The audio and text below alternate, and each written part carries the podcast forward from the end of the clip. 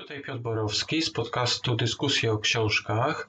Nagrywam dla Readers Initiative. Chciałbym powiedzieć kilka słów na temat książki Roberta Harrisa, Cycero. Jest to książka, jak mówi sam tytuł, jest to książka o Cyceronie. Jest to pierwszy tom trylogii y, rzymskiej.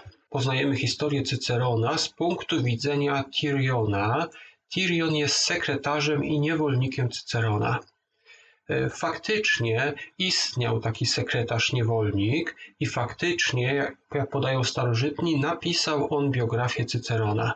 Ta biografia jednak zaginęła i tutaj mamy jakby e, Robert Harris jakby odtwarza, wymyśla jak to mogłoby brzmieć. Jest to książka, jest to tak zwana beletrystyka historyczna, czyli wszystkie wydarzenia, które znamy, są faktycznie podane, a tam, gdzie historia nie mówi, co się naprawdę wydarzyło, tam autor pozwala uzupełnić te luki swojej właśnie wyobraźni. Książka Cyceron w zasadzie składa się z dwóch części. Pierwsza część jest to opis, jest to zapis e, pewnej sprawy sądowej, w której Cyceron jest oskarżycielem. Druga z kolei część jest poświęcona temu, jak Cyceron stara się zdobyć stanowisko konsula. Tak więc mamy jakby dwie części. Pierwsza część tej książki, pierwsza połowa książki wydaje mi się, że jest dla osób, które lubią sprawy sądowe, takie jak na przykład moja żona. Moja żona uwielbia książki, filmy, które się dzieją w sądzie. Tak więc pierwsza część książki myślę, że będzie się Myślę, że spodoba się mojej żonie, ale dopiero będzie czytać w przyszłości, także nie powiem Wam, czy tak na pewno jest. Druga z kolei część tej książki to jest polityka. I ta druga część tej książki jest, można powiedzieć, bardzo podobna do serialu. Jest bardzo podobny do serialu politycznego. Jest to coś w rodzaju House of Cards. Jest to bardzo ciekawa historia, bardzo dużo się dzieje, jest mnóstwo intryg. Jedne intrygi e, przechodzą, inne wchodzą, i naprawdę ta część tej książki e, jest chyba nawet ciekawsza. Mi się podobała pierwsza, opis tego procesu, który rzeczywiście jest procesem historycznym, ale ta druga część jest naprawdę wciągająca. Tak więc jeżeli troszeczkę nudziłoby Was początek tej książki, to polecam może poczekać. Druga część jest ciekawsza, czyta się to jak e, historię właśnie typu House of Cards. E, to tyle może ode mnie. Mówił Piotr Borowski z podcastu Dyskusje o książkach, ale nagrywałem oczywiście dla Readers Initiative. Do usłyszenia. Books! All the books I'll need! All the books! All the books I'll ever want! Because you know I'm all about those books, about those books. Start reading. I'm all about those books, about those books. Start reading. Books are fun. Books are great. Is it book time yet? Oh, I just can't wait to read a book. And the best thing, the very best thing of all, is there's time now. There's all the time I need and all the time I want. Time, time, time. Ah, there's time enough at last. Witamy w 45. E, nagraniu podcastu Readers Initiative. Przy mikrofonie Michał Sobieszek. E, dzisiaj będziemy podsumowywać rok 2020, e, jeśli chodzi o książki i komiksy, które czytaliśmy. Razem ze mną na nagraniu jest Sebastian. Cześć. E, Żarłok, zwany również Skórą. Witam, witam wszystkich głodno i serdecznie. Oraz Rafał Jasiński. Witam serdecznie. Tutaj od razu, żeby przy nagraniu się troszkę mówiliśmy, żeby tutaj mm, wspomnieć o tym, że to jest takie nasze nieformalne dokończenie tego tryptyku nagrań, które nagrywaliśmy tego, tego, tego lata. Było to podsumowanie półrocza. Obiecywaliśmy trzecią część, najważniejszą, i, i myślę, że to taka forma dokończenia tego, tego naszego podsumowania będzie. Troszeczkę kazaliśmy Wam na to czekać, bo wiem, że byli tacy, którzy czekali na, te, na, na, te, na to dokończenie. No i dzisiaj będzie taka troszeczkę w innym gronie, co prawda, ale w jakiś stopniu domknięcie tej, tej trylogii naszej. To znaczy ty będziesz kontynuować razem z Sebastianem, mm -hmm. a dla mnie i dla e, Skóry to będzie podsumowanie całego roku, ponieważ myśmy nie byli na tamtym nagraniu w wakacje. Dobrze, e, żeby nie przeciągać, zaczniemy od czegoś może trochę nietypowego. E, tak na rozgrzanie, nasze pierwsze razy w 2020 roku i słuchacze, którzy by chcieli już pospiesznie wyłączyć nasze nagranie, to uspokajam, że to chodzi o razy, pierwsze razy czytelnicze, książkowe. Co było takiego w 2020 roku, co spróbowaliście po raz pierwszy? Czy było coś takiego, czy ten rok pod tym względem niczym się nie różnił od lat poprzednich? U mnie, u mnie było dwukrotnie taki pierwszy raz. Pod koniec roku, w grudniu, przeczytałem pierwszy raz od początku do końca książkę na czytniku, chociaż nie mam czytnika, tylko na smartfonie. Zainstalowałem sobie chyba aplikację Prestigio, coś takiego. No i właśnie przeczytałem książkę, która była mm, tragiczna, ale o tym może później. Więc jakby da się, da się. A myślałem, że nie dam rady. A jak ci się czytało? E, dużo gorzej niż y, książki papierowe? No wiesz co, zupełnie inaczej. Musiałem tak jakby od nowa wymyślić sobie w ogóle czcionkę dopasować, zastanowić się, gdzie to czytać, yy, zacząć takie dziwne rozmyślanie, jak trzymać ten telefon, żeby było mi wygodnie. No i, jaką ustawić w ogóle, tam jest kolor sepia, biały, czarny. E, no i ogólnie rzecz biorąc. E, przepraszam, że ci wchodzę słowo. Masz na myśli, że tło zmieniałeś, tak? Tak, to, tak, tak, tak. E, I również na przykład wielkość marginesów, taki mały szczegół jest, który, który też jakoś tam, wiesz, daje czytelnikowi do myślenia.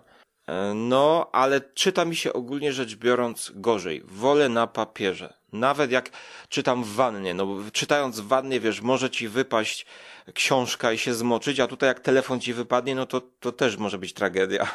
E, a powiedz mi, czy ogólnie jakiegoś e, czytnik e-booków taki dedykowany próbowałeś już? Wiesz co, nie mam. Po prostu nie mam, ale widziałem e, u koleżanki kiedyś jakby mogłem wziąć do ręki no i widziałem to światło odbite tak zwane, czy nieodbite, jak to się nazywa, że po prostu nie świeci ci po twarzy i rzeczywiście y, w, pierwszy raz jak to zobaczyłem, to byłem w lekkim szoku, bo mówię, o kurde, że to rzeczywiście jest zupełnie inny rodzaj ekranu. I to był pozy to pozytywny szok. Właśnie do tego dążę, bo powiem ci szczerze, że u mnie jeśli chodzi o czytanie na telefonie, to jest E, mimo, że próbuję, czasami jak faktycznie są takie sytuacje, że nie wiem, gdzieś jestem i akurat nie mam przy sobie czytnika, potem sobie tam gdzieś pluję w brodę e, w związku z tym e, i sięgam po coś na telefonie, ale zazwyczaj mi to idzie znacznie wolniej, jakoś tak topornie, tak nie wiem, nie, nie do końca mnie to przekonuje czytanie książki, co innego jak czytam artykuły, co jest w sumie też chyba trochę dziwne, śmieszne, nie, nie wiem jak to nazwać, ale ja osobiście właśnie używam, głównie mam Kindla, i mhm. też byłem w ciężkim szoku za pierwszym razem, jak miałem to w swoich łapkach i mówię, kurczę, to faktycznie takie wrażenie, jakby czytało się książkę, tak? Tylko, że jeszcze możesz sobie ewentualnie podświetlić ten ekran i e, co też tam pozytywnie wpływa na to, że nie wiem, nie musisz patrzeć na to, żeby będzie jakieś odpowiednie źródło światła pod ręką, e, może być nawet jakieś takie leciutkie światełko, sobie tam e, troszeczkę zwiększasz w tym momencie podświetlenie ekranu na czytniku i naprawdę wchodzi jak woda. To znaczy, komórka świeci ci po oczach, ale to też ma taki plus, że ja czytałem trochę zga ze zgaszonym światłem, już idąc spać, Natomiast no, chyba to nie jest e, zdrowe. E, to nie jest też pomocne w tym, żeby dalej e, zasnąć, bo ludzki organizm, tak słyszałem, że ma wyczulenie na światło tak zwane niebieskie i mhm. dzienne światło. Tak. Niektóre smartfony mają taki filtr, no i właściwie, no, ja to ogólnie rzecz biorąc mam problemy z zasypianiem i z bezsennością i z regularnym snem ale mm, no też czytając zastanawiałem się nad tym i summa summarum pytanie jest takie, czy to jest kwestia łatwości czytania i tego sposobu, czy to jest raczej kwestia tego, że chciałem przeczytać tę książkę, a ta książka sama w sobie była na tyle no, absurdalna i tyle sprawiała mi dziwacznej frajdy, że no, zaparłem się i skończyłem no, w, chyba w 3-4 dni. Mhm. Znaczy, wiesz co, y, z tym niebieskim światem ja tam różne rzeczy czytałem. Jedni mówią, że to jest prawda, inni mówią, że nieprawda. I ja stoję może gdzieś po środku i staram się nie mieć jakiejś takiej konkretnej opinii na ten temat, ale z, tak, z tego, co ja zauważam u siebie, e, to jest coś takiego, że jak e, właśnie już przed snem siedzę na telefonie i tam jeszcze coś przeglądam, albo jakąś tam, nie wiem, jakieś puzzle sobie kładam na telefonie czy sudoku, mm, to nie to jakby ten telefon faktycznie mnie trochę pobudza, tak? Mimo, że ten filtr niebieskiego światła też tam mam włączony i tak dalej, ale jednak dopóki tego telefonu nie odłożę, to nie czuję nawet takiego zmęczenia, że muszę się położyć. A z kolei z czytnikiem mam tak, że jak wyłączę światło w domu, sobie tylko ten czytnik mi tam gdzieś świeci. Szczególnie teraz to jest dla mnie mega wygodne, jak e, leżę na przykład w łóżku, obok jest też dziecko gdzieś śpi, żeby mm, światło go tam nie budziło. Właściwie jej, bo to córka to bardzo często łapałem się na tym, że jak już czytałem e, na tym e, czytniku e-booków e, coś, to oczy mi się po prostu zamykały, już było takie, że ja na, na, zmuszałem się do otworzenia oczu, żeby jeszcze chwilę, tak, tylko doczytam stronę do końca i walczyłem ze sobą, tak ta, normalnie jak czasami mam przy papierowych też książkach. Wiecie co, ja już powiem wam, od dawna nie czytam papierowych książek i mam, e, mamy w domu czytnik e-booków, ale ja z niego nie, nie, korzystam. Kiedyś próbowałem, ale jakoś to dla mnie było mało wy, wygodne. Ja już od lat czytam książki wyłącznie na telefonie. Mam specjalną aplikację do tego. Wszystkie książki, które kupuję albo dostaję, to od razu wrzucam so, sobie na telefon i na telefonie bardzo wy, wygodnie mi się czyta. Jakoś też nie zauważyłem, żeby oko mi się bardziej męczyło, jak czytam na, na, na telefonie. Znaczy ja ogólnie przy telefonie nie umiem się jakby tak zrelaksować i nastawić na to, że czytam książkę. Może to też jest e, to, co sprawia, że mi się tak źle czyta, tak? Że jak mam książkę papierową w dłoniach albo mam e, ten czytnik, to jestem automatycznie nastawiony na czytanie tego, tak? Jak masz telefon w ręce, to albo przyjdzie jakieś powiadomienie, albo sam po prostu się zastanawiasz, a czekaj, co się tam dzieje, nie wiem, na Facebooku. Czy wiesz co, albo... możesz sobie zrobić offline, nie? No, ty teoretycznie tak, ale zawsze jest gdzieś jakaś taka pokusa, nie? Bo jak już no trzymasz telefon jest. w ręce, to e, faktycznie zawsze łatwiej jest tam coś kliknąć, niż ten telefon gdzieś odłożyć z boku, a jest to prawda. skupić się tylko na samym czytaniu. No i tutaj prośba do Rafała, z którym w poprzednim odcinku Readers Initiative rozmawialiśmy o tych aplikacjach. Albo to już było um, po tym, jak wyłączyliśmy rekordery, bo Rafał tutaj reklamował aplikację, która jak już raz ustawisz, że odcinasz się od internetu na tam trzy godziny, to nie ma zlituj się. To, to jesteś offline przez trzy godziny. I co to jest za aplikacja, Rafał? Ja, ja, nigdy jej nie stosowałem, ale, ale są takie aplikacje y, bardzo br brutalne, brutalne nawet do tego stopnia, że, że y, jakoś to podwójnie szyfrują, że kiedy ty y, ustawisz sobie, zdecydujesz się na to, że ktoś, że, że taka, taka sztuczna inteligencja, można powiedzieć, ma za ciebie zdecydować, kiedy jest czas na odcięcie się od internetu, to nawet ty nie możesz zmienić tego, tego ustawienia, wtedy ci odcina we wszystkich twoich urządzeniach, czy w danym urządzeniu internet.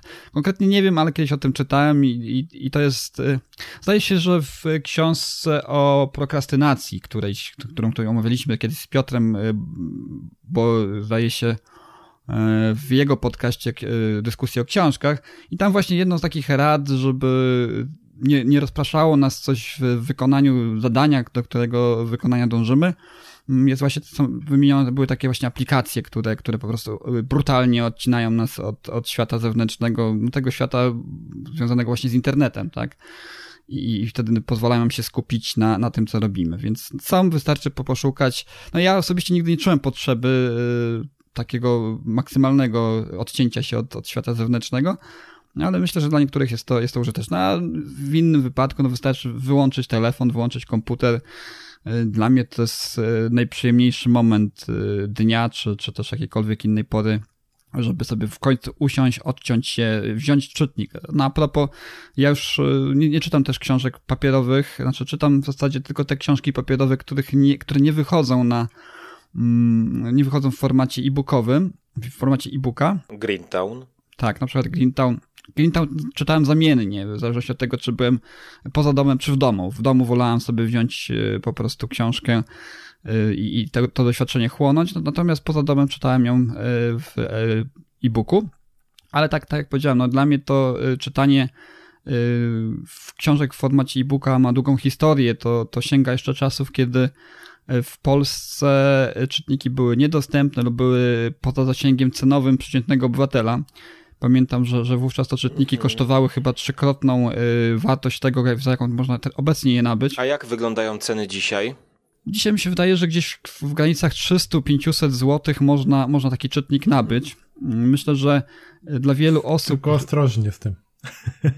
Tak? Ja przed, y, y, znaczy ostrożnie, bo ja teraz, y, ja sobie to w sumie też dopisałem tutaj jako tam dodatkowa ciekawostka, co w tym roku też próbowałem, to się może tak wetnę, przepraszam cię Rafale, mhm.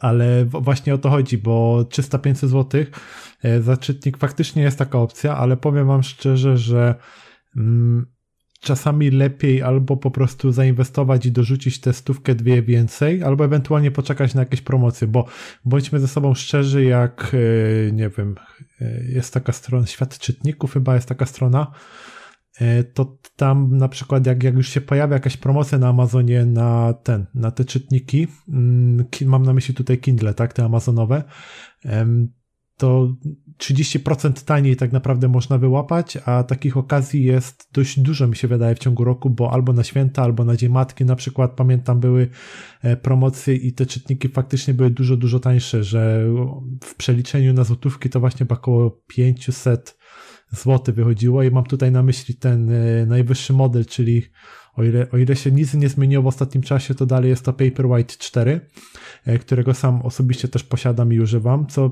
swoją drogą też taka ciekawostka, on jest e, już wodoodporny, więc jakbyś faktycznie czytał w wannie i by ci wpadło e, skóra do wody, to tutaj nie ma żadnego problemu z tym Czy raczej. w sumie telefony też już są często wodoszczelne. Tak. Tak, to, to, to, też akurat prawda. No to potem zależy też pewnie jak upadnie, albo czy nie ma jakiejś tam e, akurat nieszczelności, e, coś w tym rodzaju.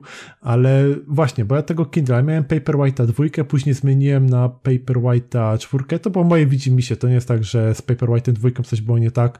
Właściwie to tę dwójkę e, mamie później dałem, tak, sprezentowałem matce dwójkę, sobie kupiłem czwórkę i chodziło super, tak? Znaczy chodziło, chodzi płynnie przede wszystkim. E, nie ma tam jakichś takich e, problemów, że mówię, ojej, coś tutaj jest za wolno, albo coś mi się nie podoba, coś w tym rodzaju. A w, właśnie w 2020 chyba, jak dobrze pamiętam, to było w 2020. E, postanowiłem zainwestować w Inkbooka. Jak się nie mylę, to jest chyba w ogóle polski czytnik ale nie dam sobie teraz ręki obciąć. Pamiętam, że jak go wysłałem na gwarancję, bo zaraz jak go wypakowałem z pudełka się okazało, że ekran był pęknięty i musiałem e, reklamować. E, no, wymienili na nowy bez problemu, ale e, tam były fizyczne przyciski do przewijania stron na przykład po bokach ekranu i mówię, no fajnie, nie? Taki, jak tam nie chcesz, nie wiem, na przykład cały czas tym palcem po prostu naciskać, żeby przejść na następną stronę, to czy, możesz trzymać pewnie w jednej ręce ten czytnik, gdzieś w powietrzu i tylko ten przycisk przyciskasz. Ale się, i to jest taki e, przedział cenowy właśnie nie, chyba 500 zł około to kosztowało, taki nowy. E, I co się okazało, że jak naciskasz ten przycisk fizyczny, to on na przykład mi robił coś takiego, że przewijało dwie strony czy cztery do przodu, co już mnie strasznie po prostu e, jakby wyrzucało z tego rytmu, jak już jak czytałem książkę i mnie to denerwowało niemiłosiernie. E, to samo było, jak próbowałem też na tym dotykowym ekranie, że niby naciskasz jest ok, ok, ok, a czasami miał takie e, przeskoki 3-4 strony do przodu i no, wkurzyłem się niemiłosiernie, szczerze na to. I... No to ja miałem podobne, e, jak na komórce naciskam e, przewiń następną stronę, niezależnie czy palcem, czy guzikiem z boku, mhm. to na dole jest taki licznik stron, że przeczytałeś tam 350 stronę z 400, przewijam, a on podaje, że ja jestem cały czas na 350 stronie. I jakby ja przewijam kartkę, a tutaj cyfra nie przeskakuje. Czasami źle obliczał, na której stronie jestem. No i się denerwowałem, bo chciałem jak najszybciej to przeczytać. Znam to akurat skądś. No, znaczy, e... czytniki, czytniki mają już te, te, te lepsze do siebie to, że, że one y, ten progres ładnie y, obliczają. Ja akurat jestem, odkąd, odkąd mam czytniki, moim pierwszym czytnikiem był Kindle Keyboard, y, chyba wersja trzecia, i później obserwowałem troszeczkę ten rozwój tego, tego interfejsu do czytania. Zawsze wprowadzałem takie subtelne zmiany, a one były y, bardzo ciekawe, ponieważ odkąd je wprowadzono, ja sobie zacząłem zdawać sprawę z tego, że jak, jak bardzo mi ich brakowało, nawet o tym nie wiedząc. I ten post, y, czas postępu, który jest obliczany, to jest y, no, dla mnie rewelacyjny, rewelacyjna rzecz. To mają czytniki Kindle, nie wiem czy inne również to mają, że po prostu oblicza twoje tempo czytania i na podstawie tego pokazuje ci czas y, potrzebny do skończenia rozdziału lub czas potrzebny do skończenia książki. To jest niezwykle Ale użyteczne. powiem ci, że ja mam, ja mam dokładnie taką samą y, funkcjonalność w mojej aplikacji na telefonie że ona mi wylicza właśnie, tak. ile mi zostało jeszcze na podstawie mojej prędkości czytania, e, ile mi zostało jeszcze do końca rozdziału i do końca książki. A tak a propos jeszcze pierwszych razów, wracając do, do tematu, co prawda nie dotyczy to 2020 roku, ale kto wie, jaki będzie ten 2021. W 2021 za, zacząłem czytać e, książkę po angielsku po raz pierwszy i to dotyczy też trochę te, tego, co mówiliście, wygody czytania na telefonie. E, ja czytam książkę po angielsku po raz pierwszy i czasami się zdarza, że potrzebuję sobie sprawdzić jakieś słowo, żeby się upewnić, że to jest to, o, o czym myślę, albo po prostu tego słowa nie znam, to e, wystarczy, że sobie je skopiuję do schowka i automatycznie mi się otwiera tłumacz i mi pokazuje, co, co to słowo znaczy po angielsku albo też mogę sobie przetłumaczyć całe zdanie i powiem wam, że byłem zdziwiony, jak bardzo dobrze ten automatyczny googlowski tłumacz y, tłumaczy na polski. Rzadko się zdarza, że to zdanie brzmi jakoś, y, jak to powiedzieć, no źle po, po prostu. Na ogół brzmi to bardzo dobrze, tak jakbym ja to przetłumaczył. No są to, są to dodatkowe, użyteczne rzeczy. Kindle również to mają, mają y, wbudowane wewnętrzne słowniki, nawet offline. Chyba wszystkie Kindle mają ten y, Oxford Dictionary wbudowany już. To, to, to prawda nie jest angielsko-polski, to jest słownik kontekstowy ang anglojęzyczny, ale kiedy klikniemy sobie na takie podświetlone słowo, to, to, to on nam ładnie tam definicję słowa prze, y, przedstawi i to już będzie zrozumiałe wtedy, nie? Po angielsku. Natomiast też można sobie wgrać dodatkowe słowniki, również oksfordzki słownik polsko-angielski, to oczywiście trzeba nabyć jako osobnego e-booka, i później w ustawieniach Kindle się wybiera y, go jako swój główny słownik. Oczywiście te pozostałe słowniki, które już tam są wgrane, one nie znikają, tylko po prostu klikając na słowo wybiera się, który słownik ma być użyty w danym momencie, tak? Oprócz to jest te... rewelacja w takim razie, to mhm. nie wiedziałem, że jest coś takiego Oprócz tego też Wikipedia y, umożliwia automatyczne szukanie danego słowa w Wikipedii, y, chyba anglojęzycznej Wikipedii, no i parę jeszcze innych gadżetów. Y, tutaj wspomnę też o tym, jestem posiadaczem akurat dwóch czytników w tej chwili. Jeden y, jest nieodłącznie ze mną, kiedy jadę do pracy, drugi jest takim moim domowym czytnikiem, trochę lepszym. Oba są to czytniki Oasis, tylko jeden jest starszy, drugi jest w nowszej wersji. No i oczywiście synchronizacja pomiędzy, pomiędzy e-bookami, tak? To jest, to jest coś, coś fajnego, ponieważ kończę czytać w domu, wyłączam e-booka, włączam e-booka w pracy i automatycznie synchronizuje mi do ostatniej czytanej strony. Nie mam z tym e, problemu później, żeby szukać, gdzie, gdzie skończyłem w danym momencie, tak?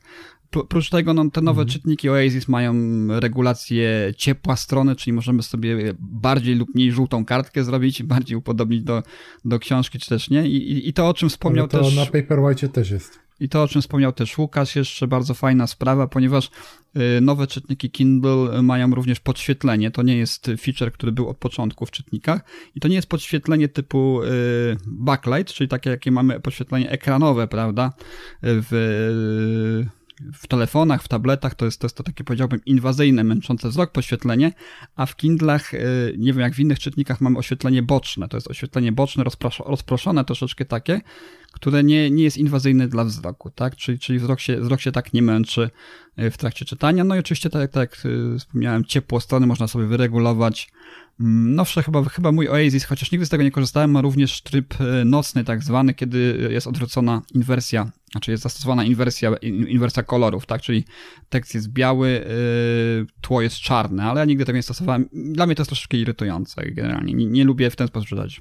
Rafale, skoro już mówisz, to może powiesz przy okazji, Mhm, Jakie, czy miałeś jakiś swój pierwszy raz w 2020 roku? Co, zastanawiałem się przez ten cały czas, kiedy, kiedy mówiliście o swoich pierwszych razach i powiem szczerze, tutaj przeglądałem sobie y, mój rok czytelniczy na, na Goodreads i, i stwierdzam y, z, ze zdziwieniem, zaskoczeniem, y, że nie. nie. Nie było czegoś takiego, czego bym spróbował, jeżeli chodzi o doświadczenia czytelnicze tego roku po raz pierwszy nie było takiej książki, czy też gatunku, czy też jakiegoś, nie wiem, y, formy obcowania z literaturą, nie było czegoś takiego, y, co, co, co spróbowałbym po raz pierwszy. Dla mnie to taki, powiedziałbym, tendencyjny rok w tym, w tym, w tym roku. Taki zwykły, zwyczajny, czytelniczy rok, chociaż zwyczajny w sensie y, trochę negatywnym, ponieważ no, chciałbym, żeby trochę więcej książek dało mi się przeczytać w tym roku, bo, bo to jest mniej więcej to, ten sam poziom ta sama ilość przeczytanych książek co w zeszłym roku, a dążyłem ku temu, żeby, żeby troszeczkę więcej w tym roku przeczytać. Dobrze, słuchajcie, e, pro,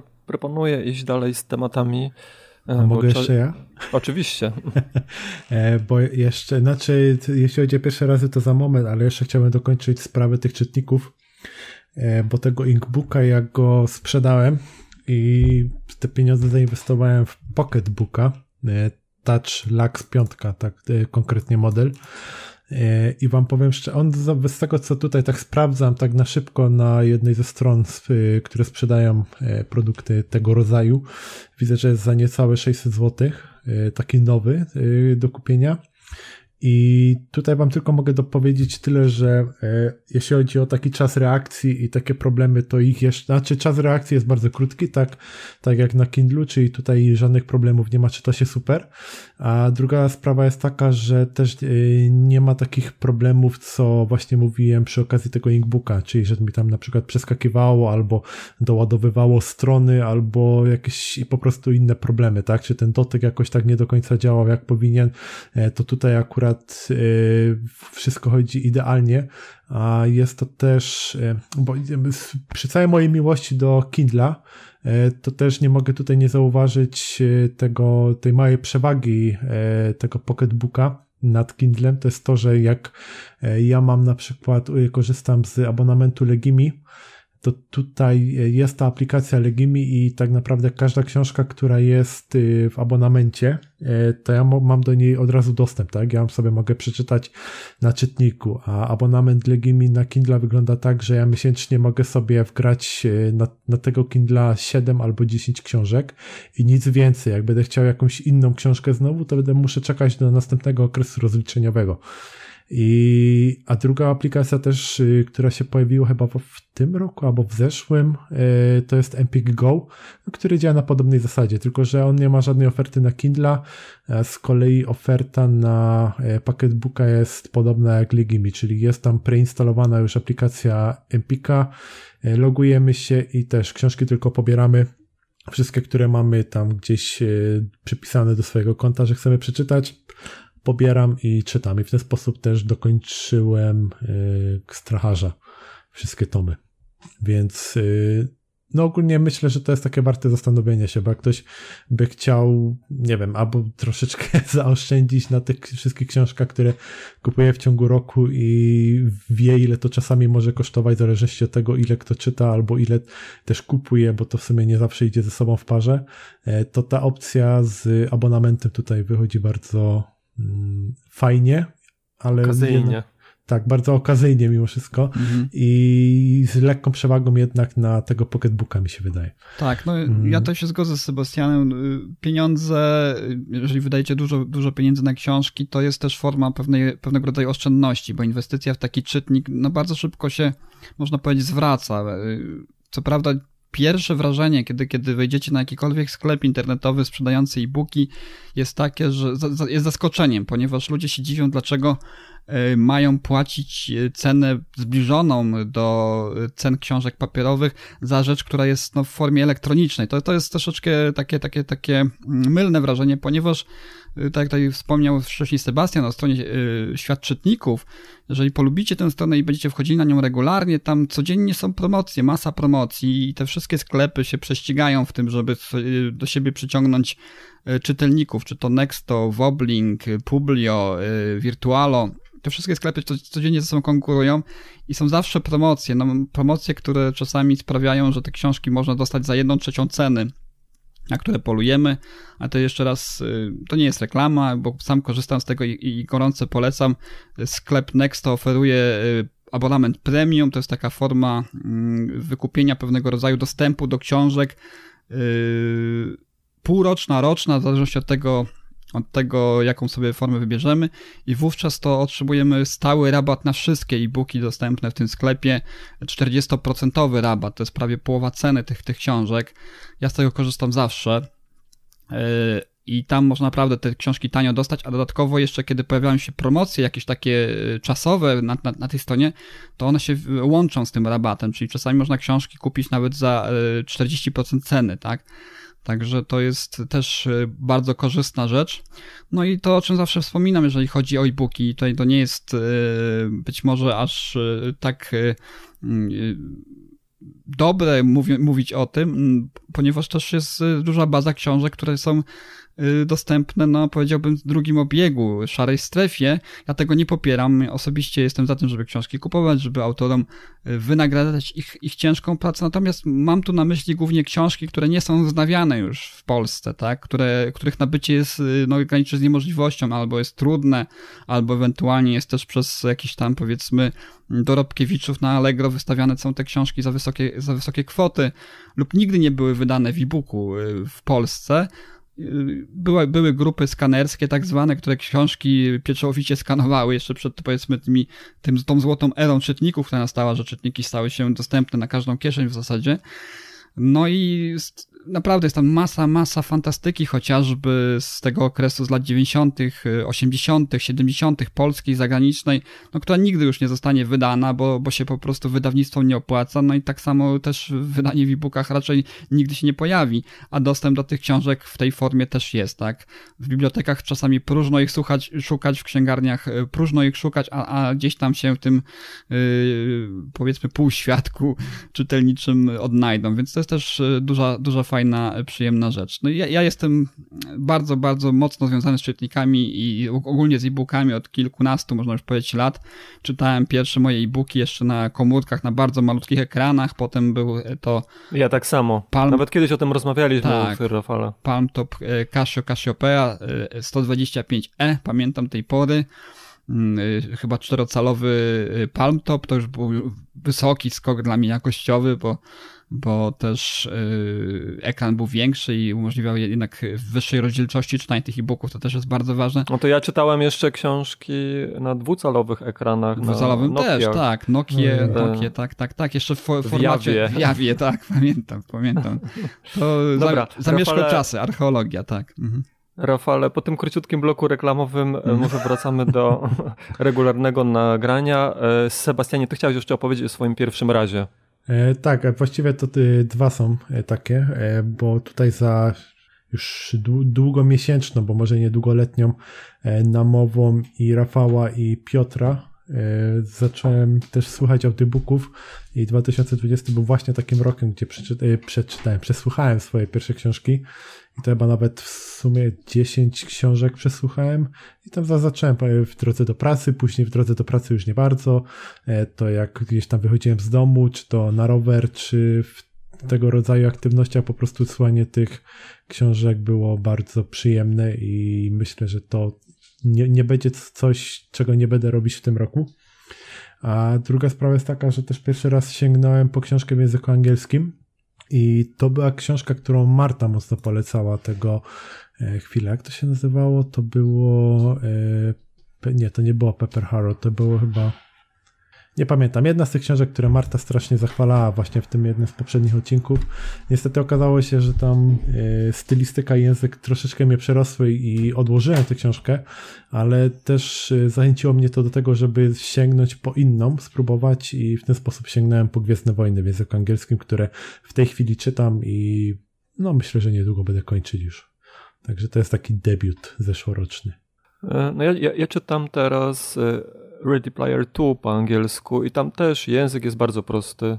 co jakiś czas muszę jakieś słówka sprawdzać, ale w zasadzie e, większość, znaczy w zasadzie wszystkiego można się domyślić z, kon z, kontekstu. Tam nie trzeba też jakiejś wyjątkowej znajomości języka angielskiego.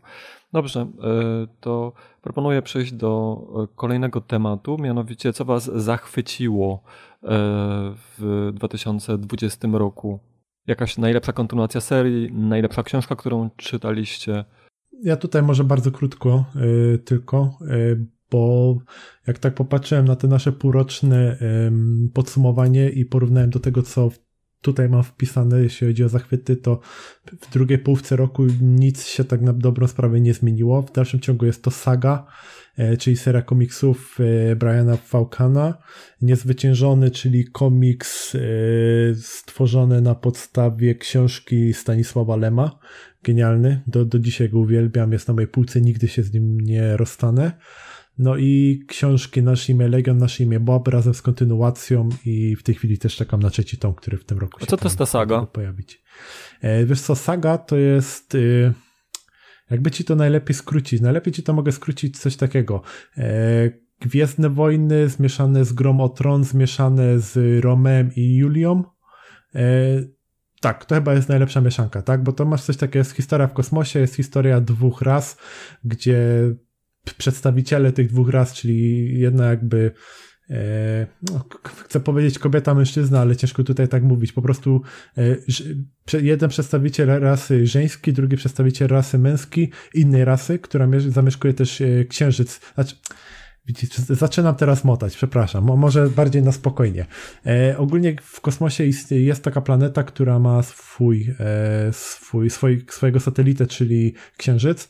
Na, I tak, na planecie mieszkają takie, mm, możesz to nazwać odpowiedniki wróżek, tak, czyli takie postacie e, ze skrzydłami, które bardzo mocno naciskają na rozwój technologiczny, a jednocześnie na ich księżycu istnieje rasa, która ona dalej trzyma się jakby tego on trochę przypominają takie diabełki, tak, rogate i oni cały czas jakby siedzą w tym rozwijaniu się w sposób magiczny.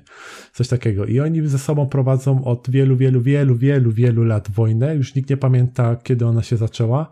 I jest to tak, tak szeroko i, i to jest ta wojna, która y, działa w taki sposób, że ona nie jest prowadzona między tą planetą a Księżycem, bo nie chcą doprowadzić do jej zniszczenia, tylko oni, ta wojna jest y, prowadzona w całej galaktyce, tak, gdzie oni tam, y, wszystkie planety dookoła, które są i wszystkie rasy są w to mieszane i się opowiadają po jednej lub po drugiej stronie, więc to jest taka historia, nie wiem, Romeo i Julia, tak, taka historia miłosna, gdzie tych dwóch przedstawicieli swoich ras próbuje się odnaleźć y, razem ze swoją miłością.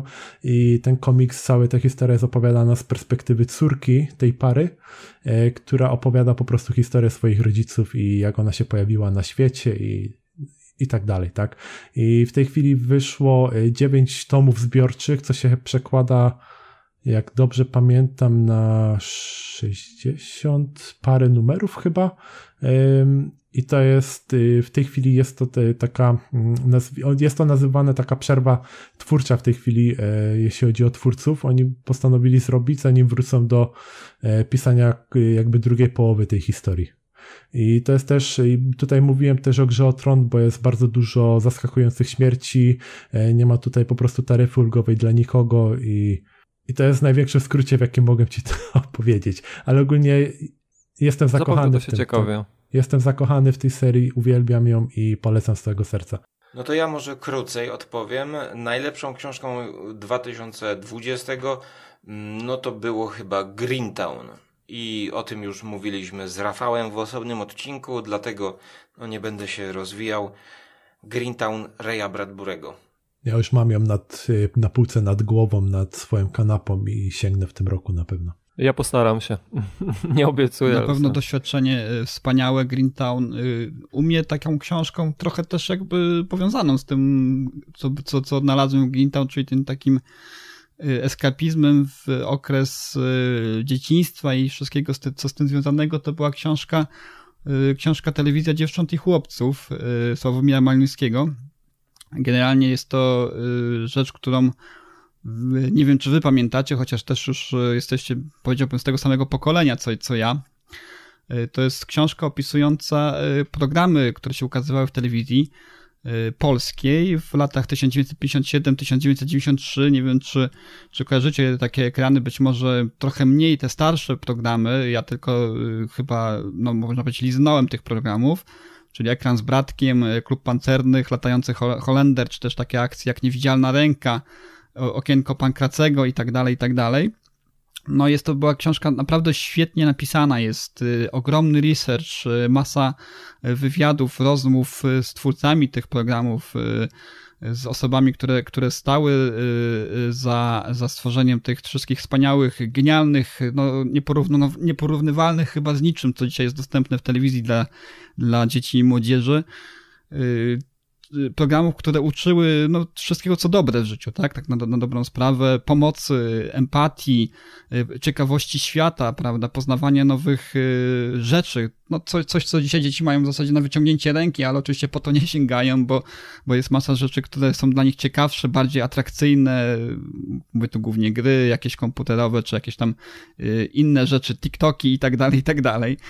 Kto, kto ma kontakt z dziećmi, ten, ten mniej więcej wie, czym się one dzisiaj interesują, a wówczas no to było dla dzieci takie okienko y, na świat i też y, prowadzone przez osoby, które mm, raczej w, bawiły ucząc jednocześnie te dzieci, tak, ucząc tego, o czym wspomniałem, czyli, czyli, czyli empatii, y, postaw właściwych, no coś, coś niespotykanego i taka monografia, którą tutaj autor, autor napisał, czytać to pięknie i niejednokrotnie miałem dosłownie łzy w oczach, nie tylko z tego powodu nostalgii za tymi programami, bo to też część mojego dzieciństwa była, ale też z powodu tego, że, że były to rzeczy, które naprawdę wzbogacały y, dzieci i, i stanowiły taki no, wyjątkowy przykład, jeżeli chodzi o, o telewizję te, tego okresu, tak? Y, masa, masa rzeczy, których tutaj się dowiedziałem. Y, książka wspaniale wydana. Mówiliśmy właśnie o tym, o tym, że czytamy w e-bookach, coraz częściej, natomiast ta książka jest dostępna tylko i wyłącznie w formie papierowej. Ja sobie generalnie nie wyobrażam, żeby tę książkę można było w jakiś sposób taki równie atrakcyjny przełożyć do, do e-booka, bo to jest masa ilustracji, zdjęć, z archiwów telewizji, zebranych przez samego autora książki, zrobionych w trakcie wywiadów z tymi ludźmi, no już dzisiaj leciwymi ludźmi, prawda, mm, z tych, którzy, którzy jeszcze żyją, twórców tych, tych programów. Y, coś wspaniałego. Ja polecam wszystkim. Y, książka wyjątkowa na polskim rynku. Y, bardzo rzadko się zdarza, bo wiem, że jest masa różnego rodzaju literatury, która w jakiś sposób eksploruje te tematy związane z, z historią, z popkulturą niejako PRL-u, ale to jest książka wyjątkowa, bo widać tę masę włożonej pracy, ogromny research. Zresztą sam autor wcześniej przygotowywał, zdaje się, dla polskiego polskojęzycznego wydania telewizji Planet bodajże przygotował serię programów o tym, y, zrobił taką krótką serię programów, to się spotkało z dużym oddźwiękiem nie tylko w Polsce, ale i na świecie i wówczas postanowił to rozwinąć w formie książki. No i tak, tak właśnie powstała książka Telewizja Dziewcząt i Chłopców. Y, wydawnictwo Oficyna Impuls można zamawiać, zdaje się, tylko i wyłącznie u nich ale naprawdę jest to, jest to rzecz warta, warta. Jeżeli chcecie, to też można sobie na YouTubie gdzieś znaleźć y, te fragmenty programów, które autor tutaj przygotowywał, w, w, nagrywając, przygotowując się do wydania tej książki, także można sobie mniej więcej zobaczyć, o czym to jest ale jeżeli dla was te programy coś mówią, te nazwy właśnie, czy to Piątek z Pankracym, czy y, Pora na Telesfora, Latający Holender, Zwierzyniec, y, bardzo fajny program.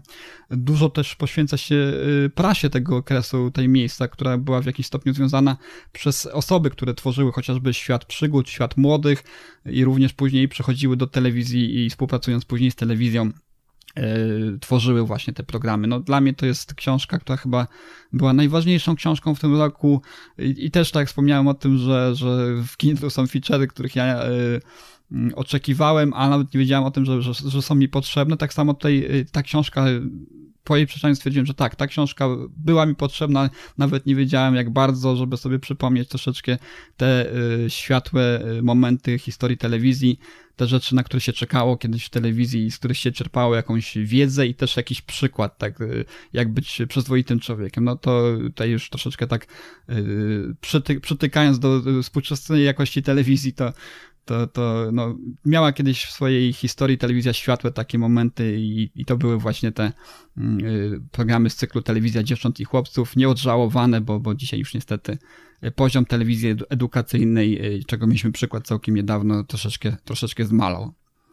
Więc serdecznie polecam też. Mm, jeśli chodzi o mnie, to y, dla mnie może nie zachwytem, ale taką największą niespodzianką w 2020 roku y, była seria, do której wróciłem po latach. Y, jak wiecie, ciężko mi było znaleźć w tym roku jakąś książkę, która by mi się podobała, która by mnie wciągnęła i przez sporą część 2020 roku próbowałem różnych książek, które polecaliście i niestety je odkładałem. Natomiast e, znajoma poleciła mi e, serię e, Prestona i Childla, to jest taki cykl Pendergast.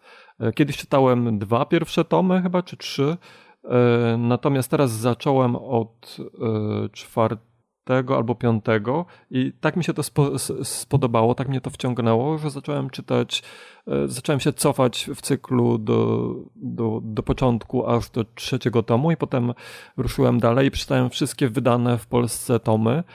Nie jest to może jakaś rewelacyjna książka, ma swoje wady, ma swoje minusy, w zasadzie seria.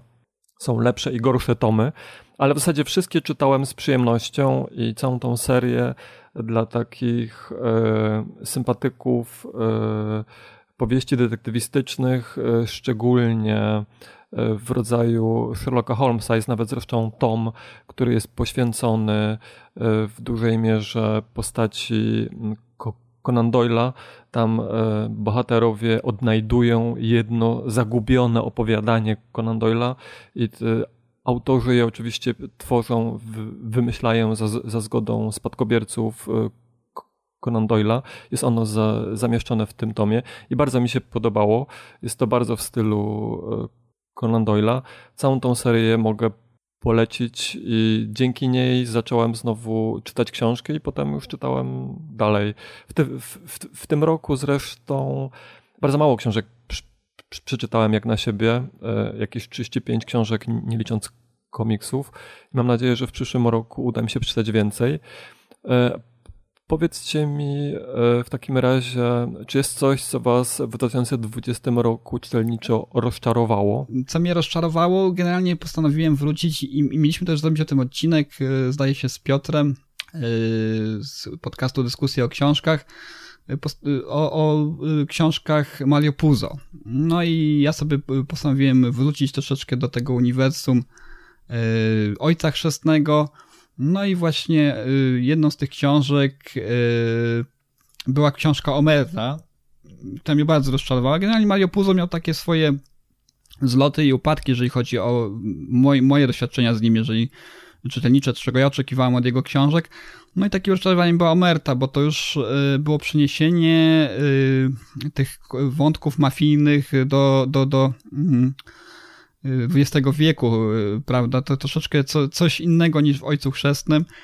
Zdaje się, że Omerta jest również jedną z tych książek, które są w tym zbiorczym wydaniu, które całkiem niedawno się ukazało na którąś z rocznic ukazania się filmu Ojciec Chrzestny i, ona jest liczana jako y, część tej trylogii Ojciec Chrzestny. Oczywiście tutaj warto zaznaczyć, że, że nigdy nie, powstało w formie książkowej coś takiego jak trylogia Ojciec Chrzestny, bo y, żadna z książek y, Mario Puzo napisana po Ojcu Chrzestnym nie jest ściśle związana z, z wydarzeniami z Ojca Chrzestnego.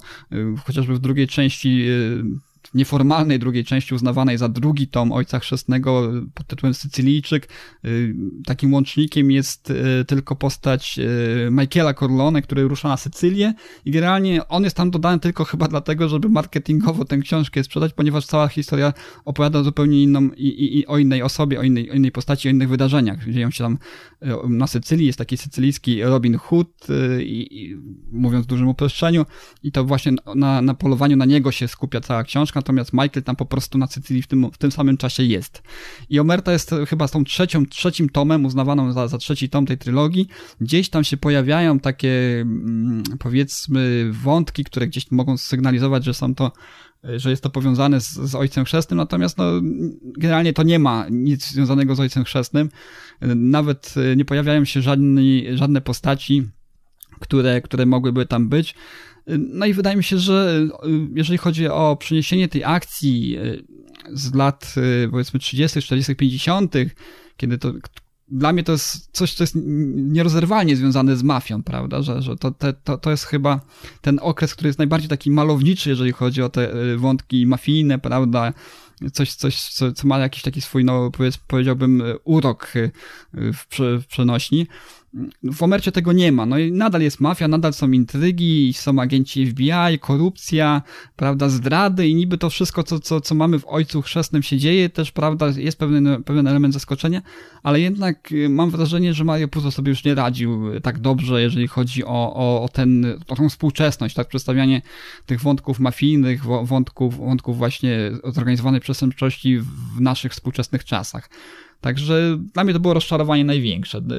Ze wszystkich tych trzech książek, generalnie wchodzących niejako w część, w tą, tą trylogię nieformalną, Ojciec Chrzestny książkową, to ta okazała się, okazała się najsłabsza i, i wydaje mi się, że mm, że tutaj y, to będzie moje największe, największe rozczarowanie, bo generalnie bardzo lubię, lubię y, Mario Puzo, lubię jego książki właśnie związane właśnie z, tym, z tymi wątkami mafijnymi, nie tylko, bo on też znakomite dramaty y, pisał, prawda, mm, no niestety to było rozczarowanie. Nie, nie polecam nikomu. Y, a jeszcze przede mną, swoją drogą też myślę, że w tym roku uda mi się skończyć y, kontynuacje, już takie bardziej formalne kontynuacje Ojca Chrzestnego, ale pisane przez innych autorów. Także ciekaw jestem, jak oni y, się do tego zabrali, czy, czy byli po prostu lepsi niż twórca właśnie tego, mm, w cudzysłowie, uniwersum Ojca Chrzestnego. Moje największe rozczarowanie to to, że wciąż za mało czytam i za wolno tutaj liczba 35 e, książek, no to jest, to jest dobra liczba, bo mnie ostatnio lubimy czytać wyliczyło średnią liczbę książek czytaną na rok i to jest 21. No, w zeszłym roku przeczytałem trochę więcej, e, ale jeszcze nie liczyłem, ale zauważyłem, że to zależy, jaką książkę się wybierze. Bo, no nie wiem, może ja wybieram jakieś takie trudniejsze pozycje, e, nad których siedzeniem trzeba dłużej się skupić. E, dużo tej biblioteki grozy czytam, czyli no groza z, z, XIX, z XX wieku, e, z przełomu XIX i XX wieku. Mm, ale zapomniałem powiedzieć, że też drugą książką obok Greentown, najlepszą, to jest zimowa opowieść e, Petera Strauba, ale jakby no nie zaliczam jej do 2020, bo ja, ja ją zacząłem e, Upiorna, mm -hmm. tak, przepraszam. E, chociaż bardzo zimowa swoją tak. drogą. Ja ją właśnie zacząłem czytać w 2019 listopad, grudzień, więc to się trochę u mnie rozciągnęło na dwa lata, no ale książka znakomita, niebywała, rzadko spotykana, dopracowana, złożona, horror pełną gębą. No, jeden z najlepszych horrorów właśnie mm -hmm. ostatnich lat, jakie czytałem.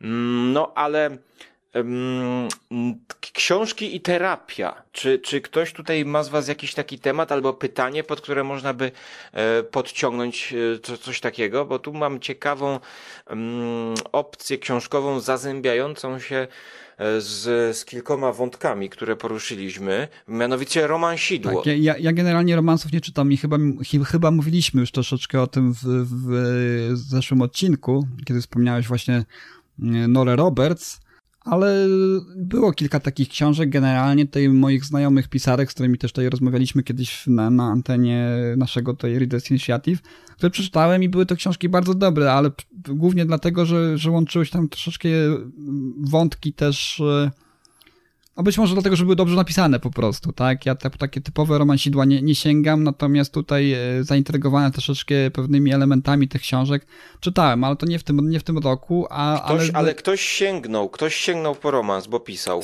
Sebastian. E, nie, ja to dałem jako przykład e, tych pierwszych razy, jak omawialiśmy tematykę. Ale nie wspomniałeś w czasie pierwszych razów o no, romansie. Tak, ja to dałem jako przykład, ale nie, że jakby to był mój pierwszy raz, bo nie wiem, ja jakoś po, no inaczej. E, ja tyle książek już czytam i tyle jakby tam gdzieś zainteresowań mam, że nawet nie umiem znaleźć za bardzo miejsca, żeby jeszcze próbować. Czy to jakieś romanse, coś czego nie jestem pewien, czy mi w ogóle się spodoba, czy nie. Więc y, trzymam się raczej tej swojej banieczki, którą mam. Okej, okay. no to w takim razie mm, nie wiem, czy, czy mówicie o tej Norze Roberts?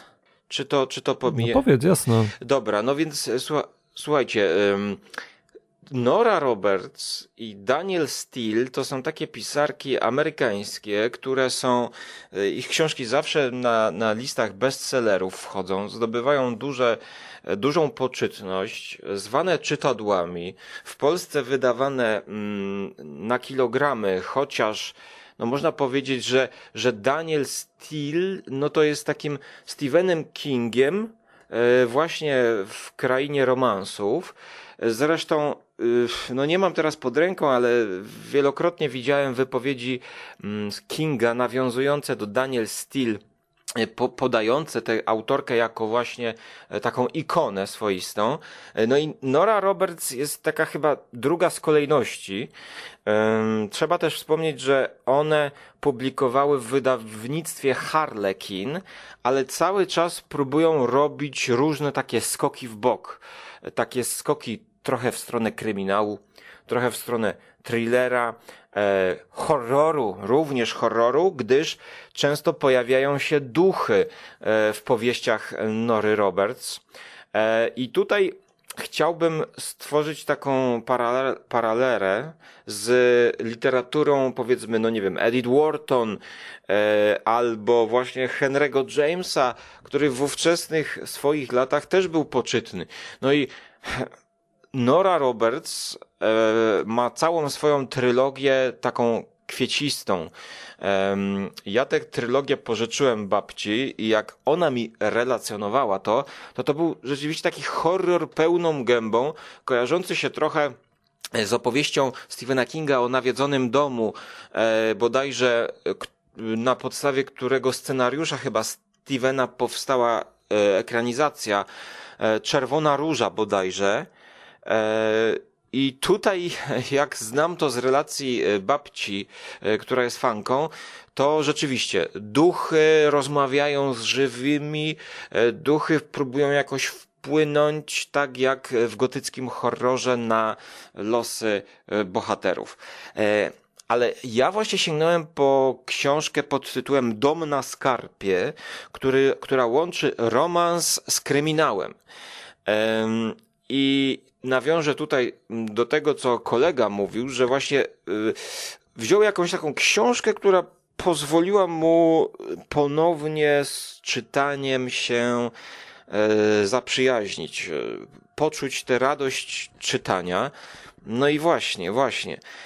W moim przypadku to był Dom na Skarpie, dlatego że ja w pierwszej połowie 2020 stopień imersji był taki, że ja się zczułem bardzo z bohaterami i to było napisane łatwym językiem i płynąłem z tym. I właściwie, jeżeli chciałbym polepszyć swoje yy, statystyki, no to to nie jest problem, bo można wybierać książki, nie wiem, krótsze, 150, 200 stron, właśnie takie lżejsze i właściwie no, ilość książek przeczytanych rocznie to nie jest wyznacznik tego, czy to to było łatwe do e, zrobienia. Na przykład no, trudniej jest prze, przeczytać właśnie zimową opowieść, upiorną opowieść, albo e, Greentown powiedzmy w bicie. E, no i, i właśnie. I teraz e, ta Nora Roberts była pierwszym krokiem do jednej z ostatnich książek, które przeczytałem w grudniu, czyli książkę, którą właśnie przeczytałem w e-booku, E, na telefonie dylogia pod tytułem Cymanowski Młyn i Cymanowski Chłód Stefana Dardy. no, i, no i tutaj czy macie jakieś pytania? No, ja mniej więcej w swoich wypowiedzi wiem, no może naszym słuchaczom jeszcze powiedz, bo tutaj się troszeczkę dzieliłeś tym, E, tymi wrażeniami e, i w zeszłym odcinku, kiedy to zaczynałeś czytać i, i później na naszym czacie prywatnie, kiedy już tak podsumowałeś, także czekamy na, na, na, na twoją recenzję tego, chociaż z tego, co... Ale czy ktoś z kolegów czy ktoś z kolegów czytał w ogóle Stefana Dardę? Nie, cokolwiek? z obecnych tutaj nie. Ja nie. Ja, Ja, ja nie czytałem.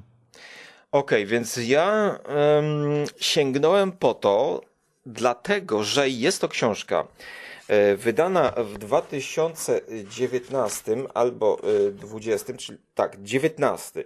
Czyli jest to najnowsza książka Stefana Dardy i w 2020 w grudniu wyszła, wyszła kontynuacja. Ale nie jest to książka tylko Stefana Dardy, bo jest to książka, tak jak Peter Straub pisał z Kingiem, to Darda napisał to z autorką, która jest na skrzydełku od, opisana jako matka Polka pisarka, właścicielka kota Puszysława, specjalistka od szczęśliwych zakończeń, autorka takich hitów jak Szkoła żon, Pierwsza na liście, czy Pracownia dobrych myśli. Jej powieść Czereśnie zawsze muszą być dwie zwyciężyła w plebiscycie portalu Lubimy Czytać na najlepszą książkę obyczajową 2017 roku. Jej książki rekomendowane są w akcjach biblioterapii. I mowa tutaj o Magdalenie Witkiewicz. Żadnej jej książki nie czytałem, ale z opisów też innych zorientowałem się, że ona właśnie pisze taki roman sidła. No, a Stefan Darda, e, pomimo, że go nie, nie czytałem, to wiem, że on pisze takie horroridła, można by powiedzieć. E, wyręby, e, czarny wygon, dom na wyrębach. Opowiem ci mroczną historię. No i to jest y, nagrodzony człowiek y, nagrodą polskiej literatury grozy imienia Stefana Grabińskiego. Jego książki trzymają w napięciu, zaskakują i charakteryzują się niepowtarzalnym nastrojem. Jeden z najpopularniejszych polskich autorów literatury grozy. No i właśnie. byłem niesamowicie zaintrygowany tym, jak wyjdzie połączenie e, współczesnego pisarza grozy, z kobietą. No i powiem wam, że to była mieszanka wybuchowa. To było coś, czego no nie zapomnę, nie zapomnę. Um, Cymanowski Młyn. Nigdy na zawsze nie zamkniesz tych drzwi. Mistrzowskie połączenia thrillera i powieści obyczajowej. Na okładce mamy domek w lesie, co przywodzi nam wszystkim miłośnikom horroru właśnie takie, no, Evil Dead wręcz E, skojarzenia, chociaż ten domek jest w lepszym stanie. E, no i e, ja tutaj posłużę się streszczeniem. Małżeństwo Moniki i Macieja przechodzi głęboki kryzys. Oboje łudzą się, że tajemniczy prezent, urlop w leśnym pensjonacie, z dala od ludzi i cywilizacji, może jeszcze wszystko uratować. Początkowo ulegają romantycznym chwilom, jednak nagły wyjazd Macieja budzi demony przeszłości. Łukasz, przystojny syn właściciela, do złudzenia przypomina Monice jej był, byłego narzeczonego, narzeczonego, który popełnił samobójstwo. Czy to tylko przypadkowe podobieństwo? Wyjazd, który miał ratować związek, okazuje się początkiem trudnych do wyjaśnienia zdarzeń. Nic nie jest oczywiste. Bohaterowie głęboko skrywają tajemnice, a na światło dzienne wypływają przerażające wspomnienia o krwawych zbrodniach przed lat. Kim jest Łukasz? Czy małżeństwo Moniki i Maćka przetrwa próbę sił? I jaką rolę pełni dziewczynka ze starej, wyblakłej fotografii? Mogę wam to wszystkie, na te wszystkie pytania odpowiedzieć, gdyż wciągło mnie to niemiłosiernie. E, I pojawiają się trupy, pojawiają się duchy, e, pojawia się krew, pojawia się zbrodnia. A wszystko to osadzone na kaszubach, e, gdyż właśnie Darda lubi akcje umiejscowiać gdzieś na, stro, na stronie, w ustroniu gdzieś poza miastem. No ale nie przeczytałbym tego, e, gdybym nie sięgnął po audiobooka, który jest z jednej strony czytany w liczbie os pierwszej, osoby pierwszej w, e, przez kobietę e, i podział na mężczyznę, który czyta część narratora trzecioosobowego. I to się y, łączy z tym, że właśnie jest jeden rozdział pisany z perspektywy Moniki. Moniki, której małżeństwo się tam rozwala i ona chce to ulepić, ponownie jakby dać szansę związkowi na tym wyjeździe w domku. No i ta książka w audiobooku była czytana tak tragicznie, że ja wręcz się śmiałem. I to śmiałem się tak, jakbym czytał, słuchał jakiegoś przesłodzonego e, właśnie e, harlekina.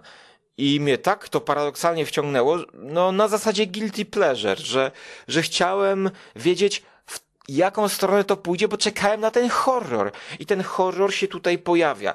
I powiem wam, że Cymanowski Młyn dla mnie, no musiałem wystawić ocenę 1 na 10 na Lubimy Czytać.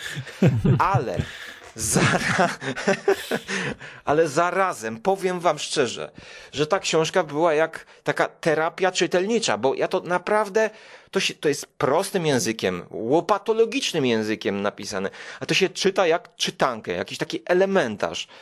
I jak ja w ogóle po, po skończeniu, e, w trakcie Bożego Narodzenia, e, świąt, kiedy miałem czas, kiedy miałem e, możliwość no, spokojnie chodzić z książką po domu cały czas, to zobaczyłem, że już się pojawił właśnie kontynuacja. I to jeszcze zimowa kontynuacja. Cymanowski chłód. Akcja osadzona w tym samym domku na Kaszubach, czyli Cyman, Cy, Cymanowo chyba, czy Cymanów. E, I ten chłód w postaci zimy, no to przecież muszę przeczytać. No i właśnie sięgnąłem po e, e-booka.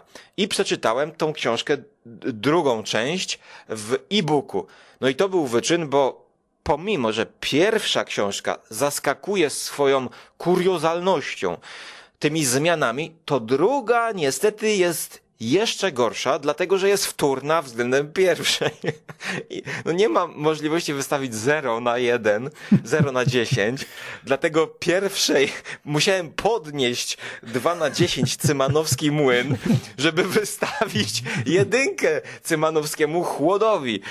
A, i, i, no i no, to, to jest gorsza książka, dlatego że że tam już no, nie ma nawet tego horroru, jest już to wszystko tak wysilone. E, bohaterowie z pierwszej książki um, troszkę schodzą na dalszy plan, pojawiają się nowi, a potem w połowie znowu wracają i to jest jeszcze tak jakby wydawnictwo powiedziało tym ludziom, słuchajcie, to się dobrze sprzedało i rzeczywiście chyba ponad tysiąc y, jest ocen tego cymanowskiego młyna na y, Lubimy Czytać. Z perspektywy wydawniczej to jest genialny pomysł, ale też z perspektywy jakiegoś takiego artystycznego ryzyka. Połączmy współczesnego pisarza horrorów y, z pisarką romansidłów, romansidła. Ja czekam, aż ktoś wpadnie na taki pomysł, żeby Stephen King napisał książkę wespół z Daniel Steele właśnie. I no śmiechy, chichy, ale to jest ryzyko artystyczne. I teraz tak, ja nie czytałem nigdy wcześniej Stefana Dardy, ale jak czytam opinię, to właśnie Darda tutaj przegrywa, bo wydaje mi się, że co jak co można go krytykować, to mimo wszystko sięgnę jeszcze w wakacje 2021 roku po ten jego dom na Wyrębach, który w audiobooku czytany jest przez Zborowskiego Wiktora początkowy darmowy rozdział już przesłuchałem i Wiktor czyta to rewelacyjnie. Um, dlatego wydaje mi się, że sam Darda może być lepszym pisarzem niż tutaj wespół, ale pomimo, że wystawiłem ocenę 1 na 10, to chcę pogratulować odwagi zarówno Stefanowi Dardzie, jak i Magdalenie Witkiewicz i wydawnictwu, że wymyślili taki koncept. E, koncept, którego ja wcześniej no, nie znam, e, żeby, żeby takie ryzyko zostało podjęte. Może to nie jest Liga Światowa pisarzy, ale brawa, ponieważ ilość guilty pleasure, jakie dostarczyła mi ta, ta dylogia, no to nie pamiętam, że nawet czytając książki Gaia N. Smitha na wakacjach, tak właśnie e, szybko skanując tekst, e, no to to jest coś, co mimo e, jakości tragicznej i mimo, że nikomu bym tego nie polecił, dostarczyło mi właśnie takiej radości czytelniczej, terapeutycznej, pokazującej, że ja potrafię szybko czytać książki. No, tylko książki właśnie łatwiejsze. No, jeżeli czytam literaturę XIX wieku, to idzie mi wolniej. Ale zobaczyłem, że jednak no, nie jestem tak zły w czytaniu i że czytanie może sprawiać taką lżejszą przyjemność. Tak więc, no, mimo wszystko to jest takie pozytywne doświadczenie z końcówki 2021 roku. Z tego wynika, że czasami warto faktycznie sięgnąć po jakąś literaturę spoza swojego takiego kręgu komfortu, albo po coś łatwiejszego właśnie, jeśli ma się mm, rozczarowanie, rozczarowanie książek, jednocześnie ksi pozytywne doświadczenie. Wiem, ja, słuchajcie, tak. ja mogę wam po, polecić, e, zwłaszcza tobie, e, Łukaszu e, Skóro, książkę, którą ja czytałem. Też, też zresztą miałem wywiad z Agnieszką Bednarską, autorką tej książki. Mm, co prawda jest to jedna autorka, ale łączy tutaj te wątki. Ja to czytałem chyba dwa lata temu, kiedy się ukazało. Niestety nie jest to dostępne w e-booku w tej chwili. Mówię o książce Dwa Oblicza i to jest taki troszeczkę, powiedziałbym, gotycki horror dziejący się współcześnie w polskich, w polskich, w polskich realiach, ale noszący dużo, dużo tych cech właśnie tego horroru takiego powiedziałbym gotyckiego, bo mam tej bohaterkę, która traci pamięć, znajduje się w starym opuszczonym szpitalu, zarządzanym przez dziwną kobietę, no bardzo fajnie to jest napisane i, i, te wątki romansowe też są istotne w tej książce, natomiast one nie dominują tego, one są powiedzmy częścią taką integralną tej historii, ale nie, nie dominują. Natomiast taki horror, klimat tego thrillera, horroru do samego końca y, się utrzymuje. Na końcu jest też bardzo fajny twist fabularny, więc y, wszystkim wam, którzy szukają takiej książki, gdzie się te wątki, powiedziałbym, nieco romansowe, nieco takie melodramatyczne łączą z horrorem i jest to zrobione dobrze, to, to, to polecam y, książkę Agnieszki Bednarskiej, Dwa oblicza i też odsyłam, y, odsyłam do, do naszych odcinków, y, bo, bo dwukrotnie miałem okazję rozmawiać tutaj z Agnieszką odnośnie właśnie jej, jej książek, Dwa oblicza i, i, i nowszej książki. Teraz niestety nie pomnę tytułu, ale, ale jak najbardziej no, są też autorzy, autorzy, którzy nie są o właśnie tak tutaj Skóra wspomniał, y, że to są bardzo, tamci się dobrze sprzedają i są popularni i tak dalej. Niestety ta ich twórczość niekoniecznie jest y, miarodajna pod, pod, pod kątem tego, jaka, jaka to jest jakość literatury, natomiast są też twórcy mniej znani, którzy robią to dobrze, więc tutaj raz jeszcze polecam ciekawa, interesująca lektura. No właśnie, ja, ja powiem, że ja bym z chęcią zrobił wywiad e, ze Stefanem Dardą właśnie e, do podcastu, dlatego że to jest człowiek, który e, w ogóle znany jest początkowo był z tego, że grał w polskim zespole folkowym pod tytułem Orkiestra Świętego Mikołaja. E, ten zespół zaczynał w latach 90. i to jest zespół naprawdę polski i naprawdę folkowy. Czyli taki zespół, który gra na e, lirze korbowej, na cymbałach.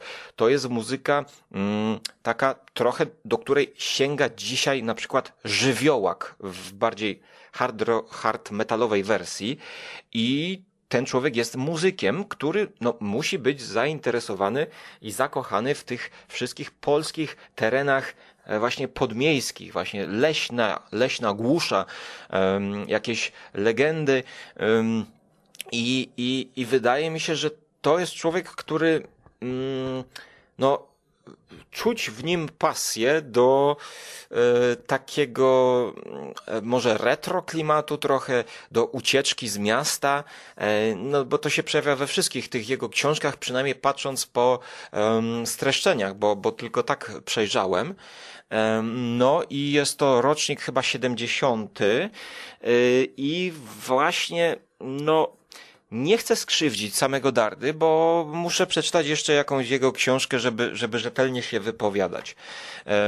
No, ale hmm, powiedz, powiedzcie jakiś temat, no nie wiem, trup, y, y, zombie, pra, no właśnie zombie, prawie myślałem, że zombie wyskoczy e, w, z, z tego cymanowskiego chłodu.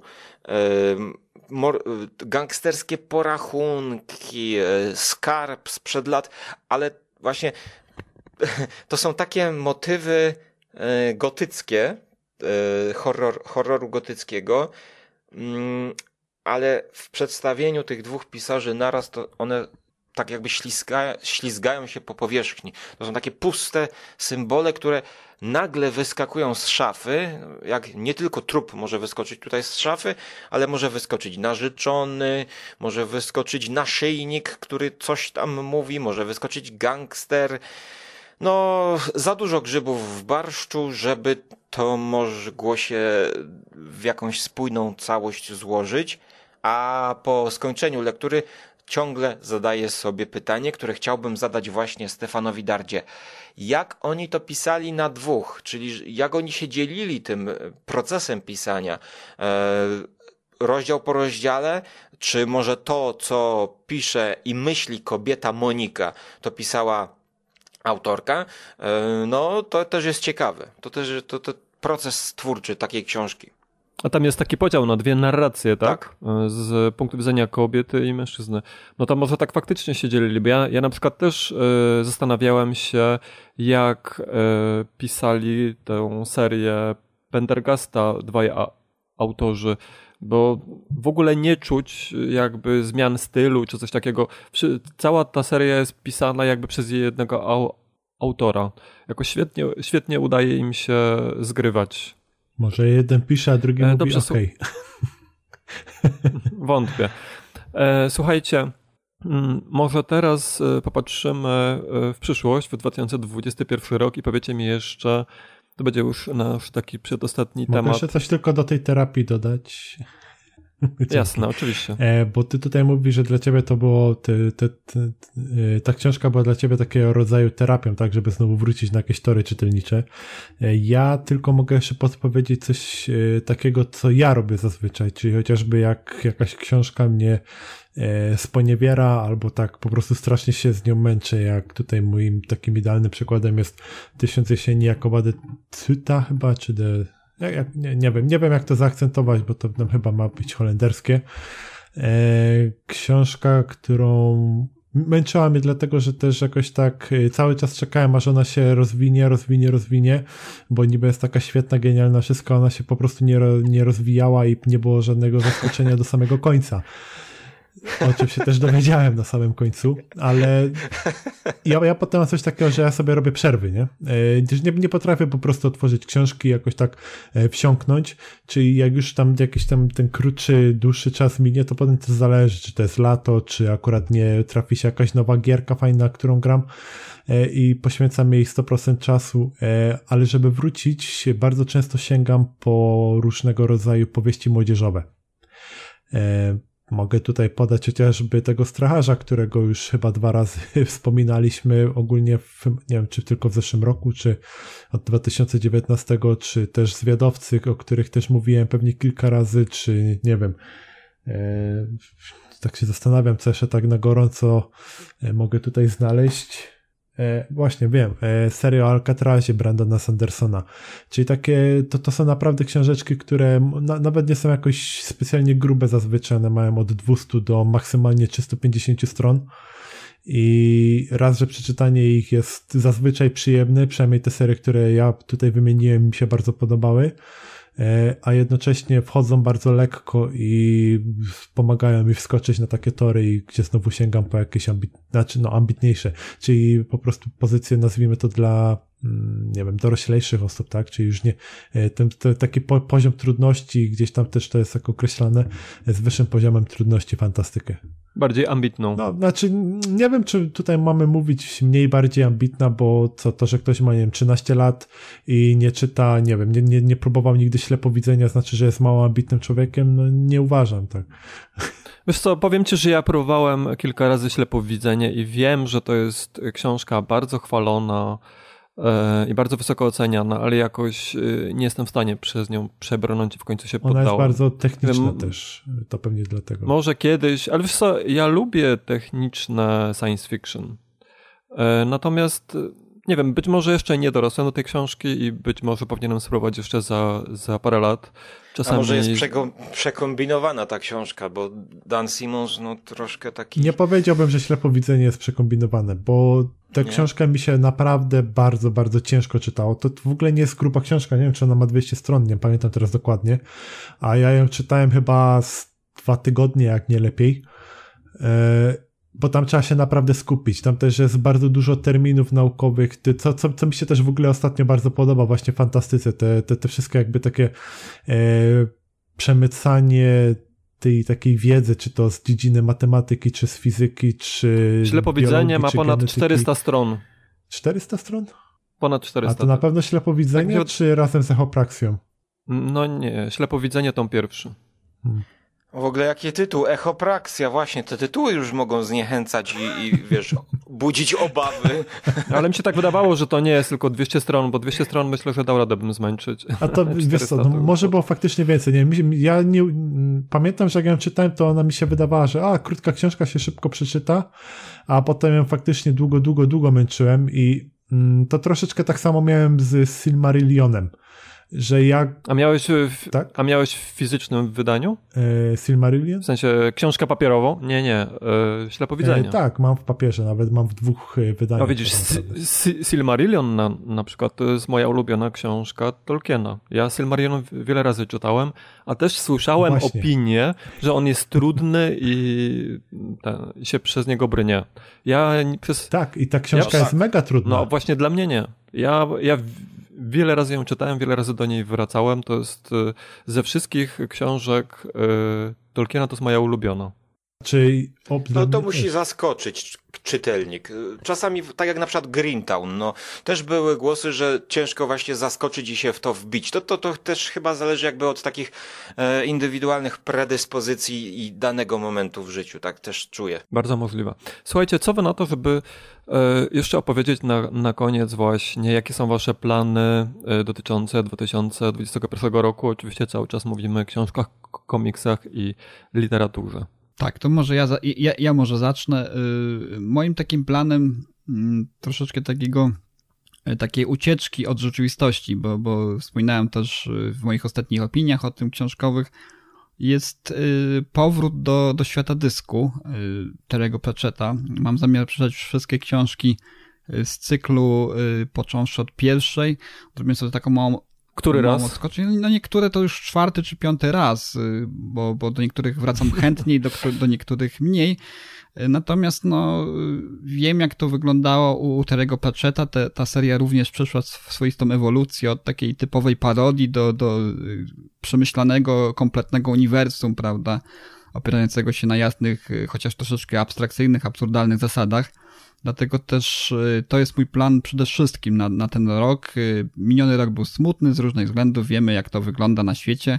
Dlatego myślę, że, że sięgnięcie po literaturę taką komiczną, y, fantazy, czy też jakąkolwiek inną jest tutaj dobrą opcją. No oczywiście założyłem sobie tej Pratchetta, a też przy okazji troszeczkę takim rykoszetem zacząłem sobie odświeżać książki chociażby Marcina Wolskiego, bardzo polecam Antybaśnie, Agent Dołu, a z Antybaśni miałem no nie lada ubaw przez ostatnie dwa dni. E, czytałem to po raz e, drugi czy trzeci już i, i naprawdę śmiałem się do rozpuku. To są takie mm, baśnie e, przetworzone właśnie w, w postaci satyrycznej, w formie parodii. I to nie tylko baśnie, bo też, też wątki z historii naszej, z, z mitologii różnego rodzaju, też z religii. No, Wolski w przeciwieństwie do Pratchetta jest dużo bardziej taki, powiedziałbym, rubaszny, bo tam też się pojawiają wątki relacji, prawda, damsko-męskich. Czasami również zdarzy się przekląć któremuś z bohaterów siarczyście, ale jest to naprawdę w dobrym stylu zrobione, także antybaśnie ba bardzo polecam. Wczoraj też e, po przeczytaniu po raz trzeci natrafiłem na to, że można tego wysłuchać również e, w formie audiobooka, genialnie czytanego przez Mariana Opanie. To po prostu nie mogę sobie wyobrazić le lepszej, lepszego doboru lektora do, do tego rodzaju historii, także Y, jak najbardziej polecam. Y, też y, tutaj też poleciłem Michałowi Toma Holta, to, to jeżeli ktoś tam kiedyś trafi, bo Holt nigdy nie wyszedł w Polsce w formie e-booka, ale, ale mm, no tam w formie papierowej można znaleźć. Jeżeli traficie w bibliotece, wyszły tego trzy tomy Toma Holta, Przynośne drzwi, śniło ci się, Powietrze, Ziemia, Ogień i, i Budyń. A tak a propos, tytuły. E czy ktoś z was czytał Przenośne drzwi do Toma Holta? Oczywiście oprócz Rafała. Nie. Ja przeczytałem, e, podobało mi się, całkiem niezła książka, aczkolwiek miałem takie silne wrażenie, że e, Holt się bardzo wzorował na jakiejś książce. Rafale, jestem ciekaw, czy wiesz na jakiej. E, tak mówiąc naj, najkrócej, to to jest książka o tym, jak dwoje takich zwykłych bardzo zwykłych ludzi, e, kobieta i mężczyzna, młodych ludzi, tam oni mają chyba po dwudziestce, e, szukają pracy i trafiają na, e, tak, na, na rozmowę do takiej firmy, gdzie zadają im bardzo dziwne pytania oboje są pewni, że nie dostaną tam pracy, a jednak do, dostają. I wkrótce się okazuje, że jest to firma, która zajmuje się magią i czarami. E, sprz- sprzedaje różne z, zaklęcia, czary i, e, między innymi też właśnie szkoli czasami od czasu do czasu nowych. I, i tych dwoje zaczyna pracę i jednocześnie też mm, wkrótce później zaczynają się powoli uczyć na czarodziej i cza, na czarodziejkę i czarodzieja. I jak to czytałem, to właśnie miałem takie silne wrażenie, że już gdzieś czytałem coś bardzo podobnego. Nie wiem, czy ty, Rafale, e, skojarzyłeś to sobie z czymś. Czy znaczy, ja, ja akurat nie pamiętam dokładnie już fabuły przynośnych drzwi, bo to też kilka lat temu y, czytałem. Y, dokładnie chyba było to, tak, y, w 2007 roku, także trochę, trochę czasu minęło. Y, dokładnie fabuły nie pamiętam, ale wiem, że Holt był taki bardziej dosłowny w tym, co robił, y, jeżeli chodzi o y, parodię, tak? Pratchett na przykład w swoich pierwszych książkach nawiązywał konkretnie do konkretnych książek z, z gatunków fantazy i je w jakiś sposób parodiował, dopóki świat dysku nie stanął na własnych nogach i generalnie te elementy fantazy, one nadal tam istniały oczywiście, bo to literatura fantazy jest, natomiast one służyły do opowiedzenia takich autonomicznych historii. Natomiast Holt w swoich książkach jest taki bardziej, bardziej takim parodystą, bym powiedział, który bierze jakiś motyw, prawda, z y, literatury, z mitologii, z legend, prawda, i on przerabia sobie na tą swoją, na tą swoją modłę, dlatego on był taki bardziej dosłowny, bardziej taki y, konkretny, jeżeli chodzi o parodiowanie konkretnych wątków, a wiesz, co, fabuły nie pamiętam. To znaczy się tak, mnie jeśli do chodzi... by to mogło nawiązywać. I, jeśli chodzi o klimat, to oczywiście mi się to kojarzyło z Pratchettem, natomiast jeśli chodzi o treść, o fabułę, to bardzo mocno mi to przypominało e, książkę Strugackich. Poniedziałek zaczyna się w sobotę, nie wiem czy pamiętacie. To z kolei była książka o takim młodym programiście, który zaczął pracę w nowym instytucie, gdzie też właśnie zajmowano się e, badaniem i jakby takim naukowym wykorzystaniem e, magii i czarów. Ten instytut się nazywał Instytut właśnie badania magii i czarów. Więc taki ogólny opis bardzo podobny i sam przebieg fabuły też mi bardzo no przypominał. Ciekawe, czy, ciekawe, czy ten, ten... Czy, czy, czy Holt w jakimś stopniu kiedykolwiek się zapoznał z, z książką Strugackich. Wiesz co, ja nie, nie, so, nie no sądzę. To nie jest takie niewykluczone, bo przecież ale... Strugacy są dosyć no znani. Tak, tak, rzeczywiście. To jest klasyka jednak literatury science fiction, więc jest bardzo możliwe. No, ja, ja, nie wiem, czy on czytał, aczkolwiek na ogół ci pisarze są oczytani, więc e, trzeba, trzeba by poczytać, e, jakiego rodzaju on był człowiekiem i czy faktycznie był oczytany, czy, czy czerpał jakieś inspiracje skądś. Dobrze. E, a ty coś jeszcze chcesz, Rafale, dodać? Znaczy, no, tak sobie też, też planów, przy, przy no. okazji tych, tych takich humorystycznych książek sobie na naszym czacie robili, robiłem rejestr takich książek z polskich twórców, kto, kto, kto by mógł tutaj być uznany za takiego humorystę na poziomie, prawda, bo tutaj y, Andrzeja Pilipiuka to, to raczej mm, troszeczkę y, mniej wybrednemu czytelnikowi bym polecił i tak y, właśnie też szukałem, przypomniałem sobie Marcina Wolskiego, a mi się Pilipiuk podobał. No to, to też jest kwestia, kwestia nastroju, powiedziałbym, nastroju, trochę gustu. Yy, wiesz co, mnie, mnie, też czasami niektóre odcinki Świata według kiepskich śmieszą, prawda, więc yy, czasami można się z tego jakąś radość czerpać, a czasami po prostu jest to niesmak. Znaczy mi się wydaje nie? jednak, że, że Pilip, tak? Pilipiuk. Mi się wydaje, że jednak Pilipiuk prezentuje trochę wyższy poziom niż e, Świat według kiepskich. No dla mnie to zawsze taki ekwiwalent gdzieś w głowie był. Dawno, dawno nie czytałem Pilipiuka. No i tak sobie też mówię, robiąc ten rejestr, to wróci... Znaczy wiesz co, ja też dawno nie czytałem. do Marcina Wolskiego. Mm, przypomniałem sobie Artura Baniewicza, który mocno inspirował się e, w swoim cyklu Odebranie z, z Dumajki twórczością Andrzeja Sapkowskiego i to też takie troszeczkę przerabiał na y, motywy fantazy, znane y, wątki z bajek. Ja czytałem trzy książki Baniewicza niedawno, znaczy stosunkowo niedawno, a w przerwie pomiędzy trzema wydanymi wcześniej książkami, chyba dwuletniej, wyszła nowa Gadzie Gody, której jeszcze nie czytałem, także do tego też mam zamiar wrócić w tym roku, jeżeli chodzi o taką fantazję humorystyczną. No jeszcze sobie przypomniałem wczoraj, myśląc sobie trochę o tym, co tu jeszcze, co tu jeszcze humoryści byli, którzy wykorzystywali wątki z bajek i fantazy swojej twórczości i przypomniał mi się też y, Pagaczewski i jego seria o Bartloszarze Gąbce, która też y, zabawna była. Też y, czytałem to całkiem niedawno i, i też na wielu poziomach można to odbierać, bo dzieci co innego z tego wyniosą, a, a dorośli też y, ten podtekst wyniosą inny z tego, także też może wrócę jeszcze do pozostałych y, części przygód Baltazara Gąbki, bo to też dość fajnie było napisane z tego co pamiętam. Więc takie chciałbym z humorem w tym roku bardziej podejść, chciałbym z tej, tą, tą radość z książek czerpać troszeczkę większą taką pod kątem tej, tej, tej, tego, tego dobrego humoru, poprawienia sobie nastroju w odniesieniu do tego, co się dzieje na zewnątrz. No ja tutaj wyczuwam e, właśnie e, podskórną, podskórne napięcie związane z tym filmem, który tutaj e, był puszczony na kanale, gdzie taka pani Kasia tam krytykuje mhm. właśnie Pilipiuka. Nie, nie, ona, ona piekarę, piekarę, piekarę, piekarę i Ziemiańskiego. też tam miała. Ale do, dojdzie, dojdzie do niego na pewno. Ja myślę, ja myślę, że mm, muszę to obejrzeć jeszcze od początku do końca, bo e, to się kroi coś na osobny odcinek, aczkolwiek ja do obu pisarzy nie sięgałem też chyba z innych powodów, e, ale to jest myślę materiał dobry na, na, na jakiś inny spór ostry, ideologiczny, ale w, jeśli chodzi o moje plany na 2021, no to oczywiście mam e, nadzieję, że przeczytam trzecią część trylogii, na przykład Cymanowskie Lato Stefana Tart. Bo tutaj jest to, mm, jest to jako cykl. Cymanowski młyn był jesienią, Cymanowski chłód właśnie zimą, no i teraz czekam na książkę na lato. Może jeszcze. A jeszcze wam, jeszcze wio, o właśnie, tak, to, to też jest dobry pomysł. Y, i powiem wam, że na przykład to jest y, ponad 2000 ocen na Lubimy Czytać, co jest większą liczbą niż książka Stephena Kinga e, pod tytułem Jest krew. Czyli no taka pozycja też mm. mniej więcej e, z tego okresu jak, jak wychodziła, więc popularność niesamowita.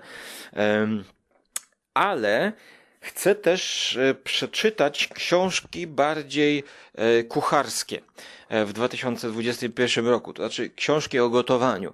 No ja planuję i planuję i planuję, ale teraz to już jest pewne, że, że chcę, chcę, chcę założyć może podcast Radio Żarłok, który będzie jakby dla, dla patronów Żarłok TV mojego kanału na YouTube i właśnie e, żeby, żeby dać jakiś dodatkowy, dodatkową treść e, ludziom, nie tylko w formie wideo, ale też właśnie podcastów, no chcę, żeby to było merytoryczne jakoś. Chcę, żeby to było bardziej e, pod, pod, podrasowane wiedzą o, o historii jedzenia. No i mam tu takie ciekawe książki, które, które są no, trochę naukowe. Wydawnictwo WAB to jest książka Historia naturalna i moralna jedzenia. To jest, to jest książka właśnie od tego, o tym, skąd się dane produkty brały, gdzie co jedzono, jak i dlaczego. E, mam też książkę Sztuka gotowania Niki Segnit. E, książkę, która, no to, to są książki, które jakby nie skupiają się na pokazaniu samego przepisu, tylko właśnie mówią o jedzeniu e, jako takim. No i jeszcze w tym duchu y, książka e, Sekrety kuchni włoskiej. E, książka, która ma tytuł tragiczny, bo właśnie taki e, generyczny tytuł, jak jakiś taki tani poradnik. Właśnie Sekrety kuchni włoskiej. Już sprawdzam to, czy, czy to właśnie Eee, sekrety kuchni włoskiej. Hm. No, chyba ja pomyliłem też to. Eee. E, nie, nie pomyliłem. No, no tragicznie wydany, wydana książka z, ze wstępem Umberto Eco autorstwa Eleny Kostiukowicz to nie jest Włoszka w ogóle, tylko to jest kobieta z Rosji, która mieszka we Włoszech. I ona właśnie nie podaje przepisów, tylko ona o historii tego włoskiego jedzenia mówi. Ona e, pokazuje różnice pomiędzy kuchniami regionalnymi e, we Włoszech. E, no i to jest pisane po prostu tak mm, popularno-naukowo trochę. No, troszkę to jest, to jest wyzwanie może, bo, bo jednak to nie są książki beletrystyczne, to jest, to jest coś takiego, co e, jak się czyta, no to też człowiek, e, człowiekowi chce się jeść, no a jako, że ja muszę teraz po świętach odchudzić, no to to też będzie jakieś wyzwanie. E, no i, i zawsze się składam trochę do tych lektur tak na zasadzie obowiązku, no bo no, prowadzę ten kanał o jedzeniu, no to, to no, muszę się dokształcić, no więc to na zasadzie właśnie takich studiów. Więc to będzie takie czytanie trochę z obowiązku. Sebastianie, a ty?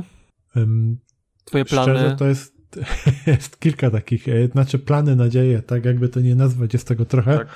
E, przyznam szczerze i w sumie to też o tym nie pomyślałem, jak wypełniałem sobie to swoją tabelkę z tym, znaczy robiłem notatki, e, bo podobnie jak Rafał też bym chciał sięgnąć do świata dysku, bo nigdy nie, nie przeczytałem wszystkich książek Pratchetta, tylko wybiórcze niektóre. Po, po drugie, udało mi się zebrać wszy, chyba Chyba. Nie, nie, nie, nie dam sobie 100% głowy obciąć, ale z tego co sprawdzałem, udało mi się skompletować wszystkie książki Pratchetta, przynajmniej te, które wyszły w Polsce, e, razem z ty, Długa Ziemia chyba się nazywał ten cykl, pięciotomowy, mm -hmm. który napisał ze Stevenem Baxterem. Mm -hmm. e, jedynie mi brakuje ostatniego bohatera, którego kupię od, e, od znaczy kupię, tak? E, no tak, w sumie kupię od Consolite'a po bar dużo bardziej atrakcyjnej cenie niż te, które są na Allegro, bo te na Allegro są tak, zabójcze. to jest takie albumowe wydanie z ilustracjami chyba tak. Kirby'ego. No, piękna rzecz. Też, też mam w domu w Polsce. Nie wiem po ile no. na Allegro chodzą. Cały czas żałuję, że to w e-booku nie wyszło, bo bym sobie też chętnie odświeżył, a, a no nie mam teraz dostępu do tej książki, a to jedna z lepszych. No właśnie. I na Allegro one tak koło 300 zł mogą spokojnie mm -hmm. kosztować.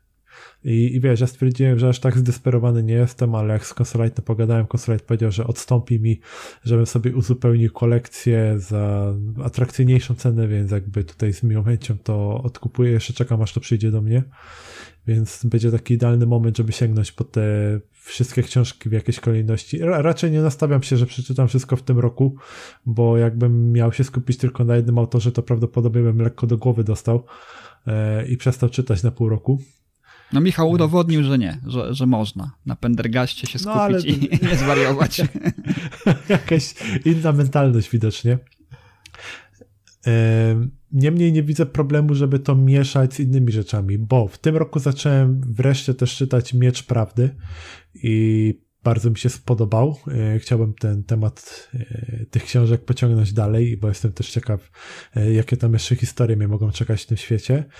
Kolejna rzecz jest taka, że mm, po latach wreszcie Mac znowu postanowił wznowić wydanie malazańskiej Księgi Poległych, na co już zacieram mocno rączki, bo już nie wiem ile, 6 czy 7 lat tak naprawdę nie były wznawiane te książki w Polsce, więc to jest idealna okazja. Chyba marcu albo w kwietniu mają pierwsze dwa tomy wyjść. No ja liczę, że będzie audiobook też. też. tym razem, bo ja czytałem malazańską i, i, i skończyłem chyba po drugim tomie i mhm. teraz chcąc wrócić, to pewnie musiałbym od początku zacząć, bo tam tyle wątków jest, a najłatwiejszą taką metodą byłoby odświeżenie sobie tego w audiobookach. Ciekaw jestem, czy wyjdzie. No ja akurat też cicho liczę na e-booki tak naprawdę, bo pamiętam te poprzednie wydanie to były takie prawie, że w formacie A4 książki wydane strasznie grube.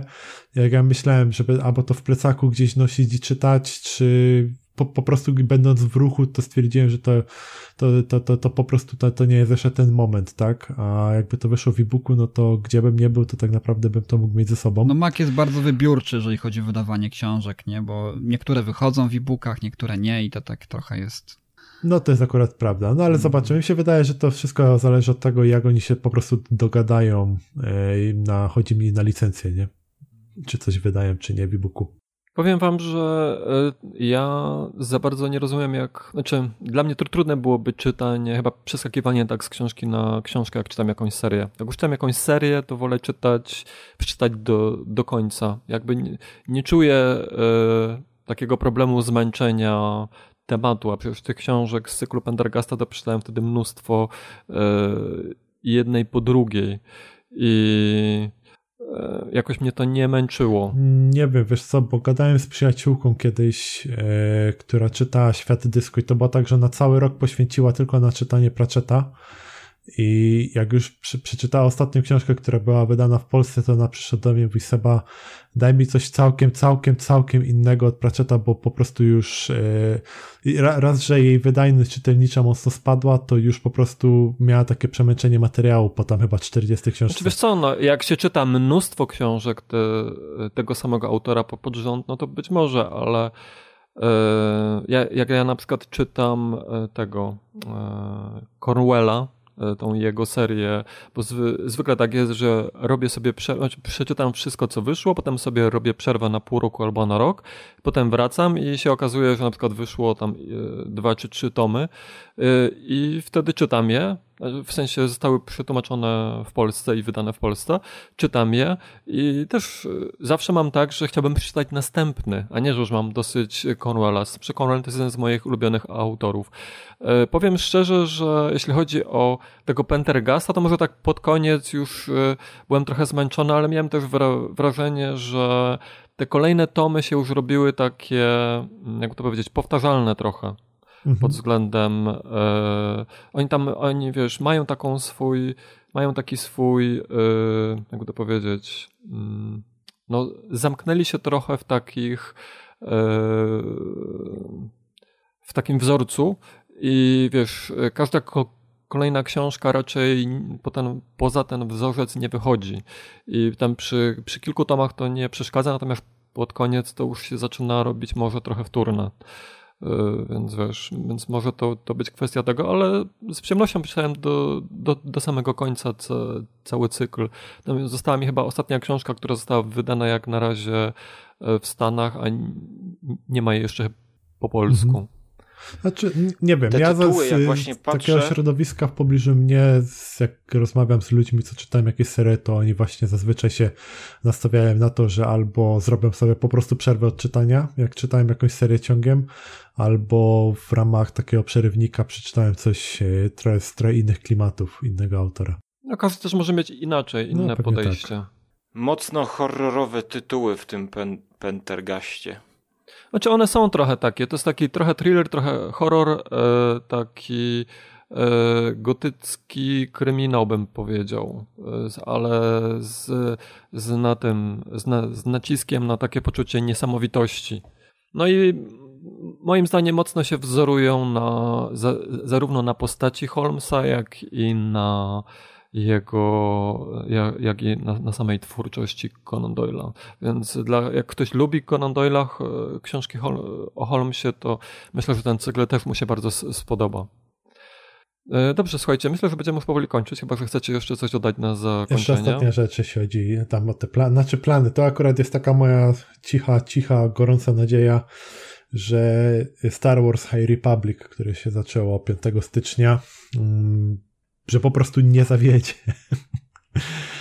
W tej chwili właśnie, właśnie też dlatego sięgnąłem po Star Warsy w języku angielskim, bo tak naprawdę nie wiadomo kiedy i czy i kiedy jeszcze coś zostanie wydane w Polsce, jeśli chodzi o książki ze świata Star Wars, ponieważ Uroboros zrezygnował e, z wydawania tych książek, czyli z tego uniwersum w Polsce. E, powodów konkretnych nie, nie znamy. Mm, wiemy tylko, że e, bodajże do 31 marca, jak dobrze pamiętam datę, będzie można jeszcze kupić e-booki i książki, a później już będzie to całkowicie niedostępne. Licencja całkowicie się kończy. I tutaj też mam taką cichutką nadzieję, że już po prostu jest jakiś plan, że coś będzie po prostu wydawane przez inne wydawnictwo, że już coś jest dogadane, ale tego się pewnie jeszcze przez parę miesięcy nie dowiemy. No ale myślę, że na pewno coś będzie, przecież y, to jest... Wiesz co, nie wiem, bo słyszałem też różne opinie na temat tego, jak się współpracuje z dużym D i że tam też straszne takie cyrki były, przez co Uroboros podobno się też między innymi dlatego e, zrezygnował, że e, za, za, dużo ich to po prostu też kosztowało. Tak, tak nie wiem, czy jakby to nazwać psychicznie. No to byłoby szkoda, bo ja, ja myślę też chętnie bym kiedyś e, poczytał i chyba wolałbym po, po polsku jednak niż po angielsku no dobrze. E, Skóra albo Rafale, chcecie jeszcze coś dodać a propos 2020 roku albo 2021? No ja właściwie bym kończył, bo mi się powoli kończy już karta na y, rekorderze. ale mógłbym jeszcze zachęcić może tak do e, sięgnięcia tak troszkę w bok książek e, poprzez e, w imię róży Umberto Eco, ale żeby sięgnąć do planszówek, bo Biblioteka Krakowska w zeszłym roku oprócz książek zaczęła wypożyczać gry planszowe. E, co prawda jeszcze tylko w kilku placówkach jest tego niewiele, ale mm, właśnie są takie pozycje, które łączą świat książek z grami planszowymi, e, jak na przykład w Imię Róży. Czyli właśnie Imię Róży zostało przeniesione na książkę w 2008 roku e, przez projektanta Stefana Felda. E, to również było w Polsce wydane. No i grałem w tę grę raz e, i właśnie to jest taki przykład, gdzie jakby w grze próbowano oddać to śledztwo i dochodzenie. E, kto zabił, który z tych zakonników to może być niebezpieczny może to być takie, taka zachęta dla tych, którzy jeszcze no, nie grali i właściwie moje plany na 2021 to jest, to jest e, więcej grać e, z rodziną albo rodzinę zachęcać do, do grania e, w planszówki, bo no to jest tak, takie hobby trochę pomiędzy, pomiędzy światem wyobraźni, właśnie książkowym, światem literatury, ale jest to o tyle fajne, że to jest czas spędzony e, razem i właśnie w 2021 wszystkim bym tego e, życzył, żeby, żeby mieli okazję, żeby właśnie częściej spędzać czas ze sobą i możliwości. Ja w ogóle nie mam nic przeciwko temu, żebyśmy od czasu zero, od czasu do czasu zero, zrobili taki e, podcast właśnie na temat e, gier planszowych. Bo mnie gry planszowe też in, interesują. Niestety moje dzieci czasami ciężko jest namówić na jakieś gry planszowe, ale od czasu do czasu się udaje, więc jakbym poznał jakieś nowe, może ciekawe, y, myślę, że wśród słuchaczy też może by się znalazł ktoś, kto, kogo to za, zainteresuje. E, a mhm. ja w takim razie, już kończąc, y, życzę Wam i słuchaczom dużo i bardzo ciekawych książek na 2021 rok, żeby był czas na czytanie tych książek. I dziękuję Wam bardzo za to, że e, udało Wam się znaleźć czas i spotkaliśmy się na tym nagraniu. E, no z mojej strony to wszystko. No to do, do usłyszenia w takim razie, do następnego razu. Cześć. No, ja również dziękuję, do usłyszenia. Cześć, do następnego razu. Również dziękuję, do usłyszenia w przyszłości albo do zobaczenia na Żarłok TV. Cześć. Cześć. There's so many books to choose. Get on board, you just can't lose. Books expand your mind, it's true. Reading books is good for you. I love reading. Oh, I'm going down to the library, picking out a book, check it in, check it out. Gonna say hi to the dictionary, picking out a book, check it in, check it out. I'm going down to the library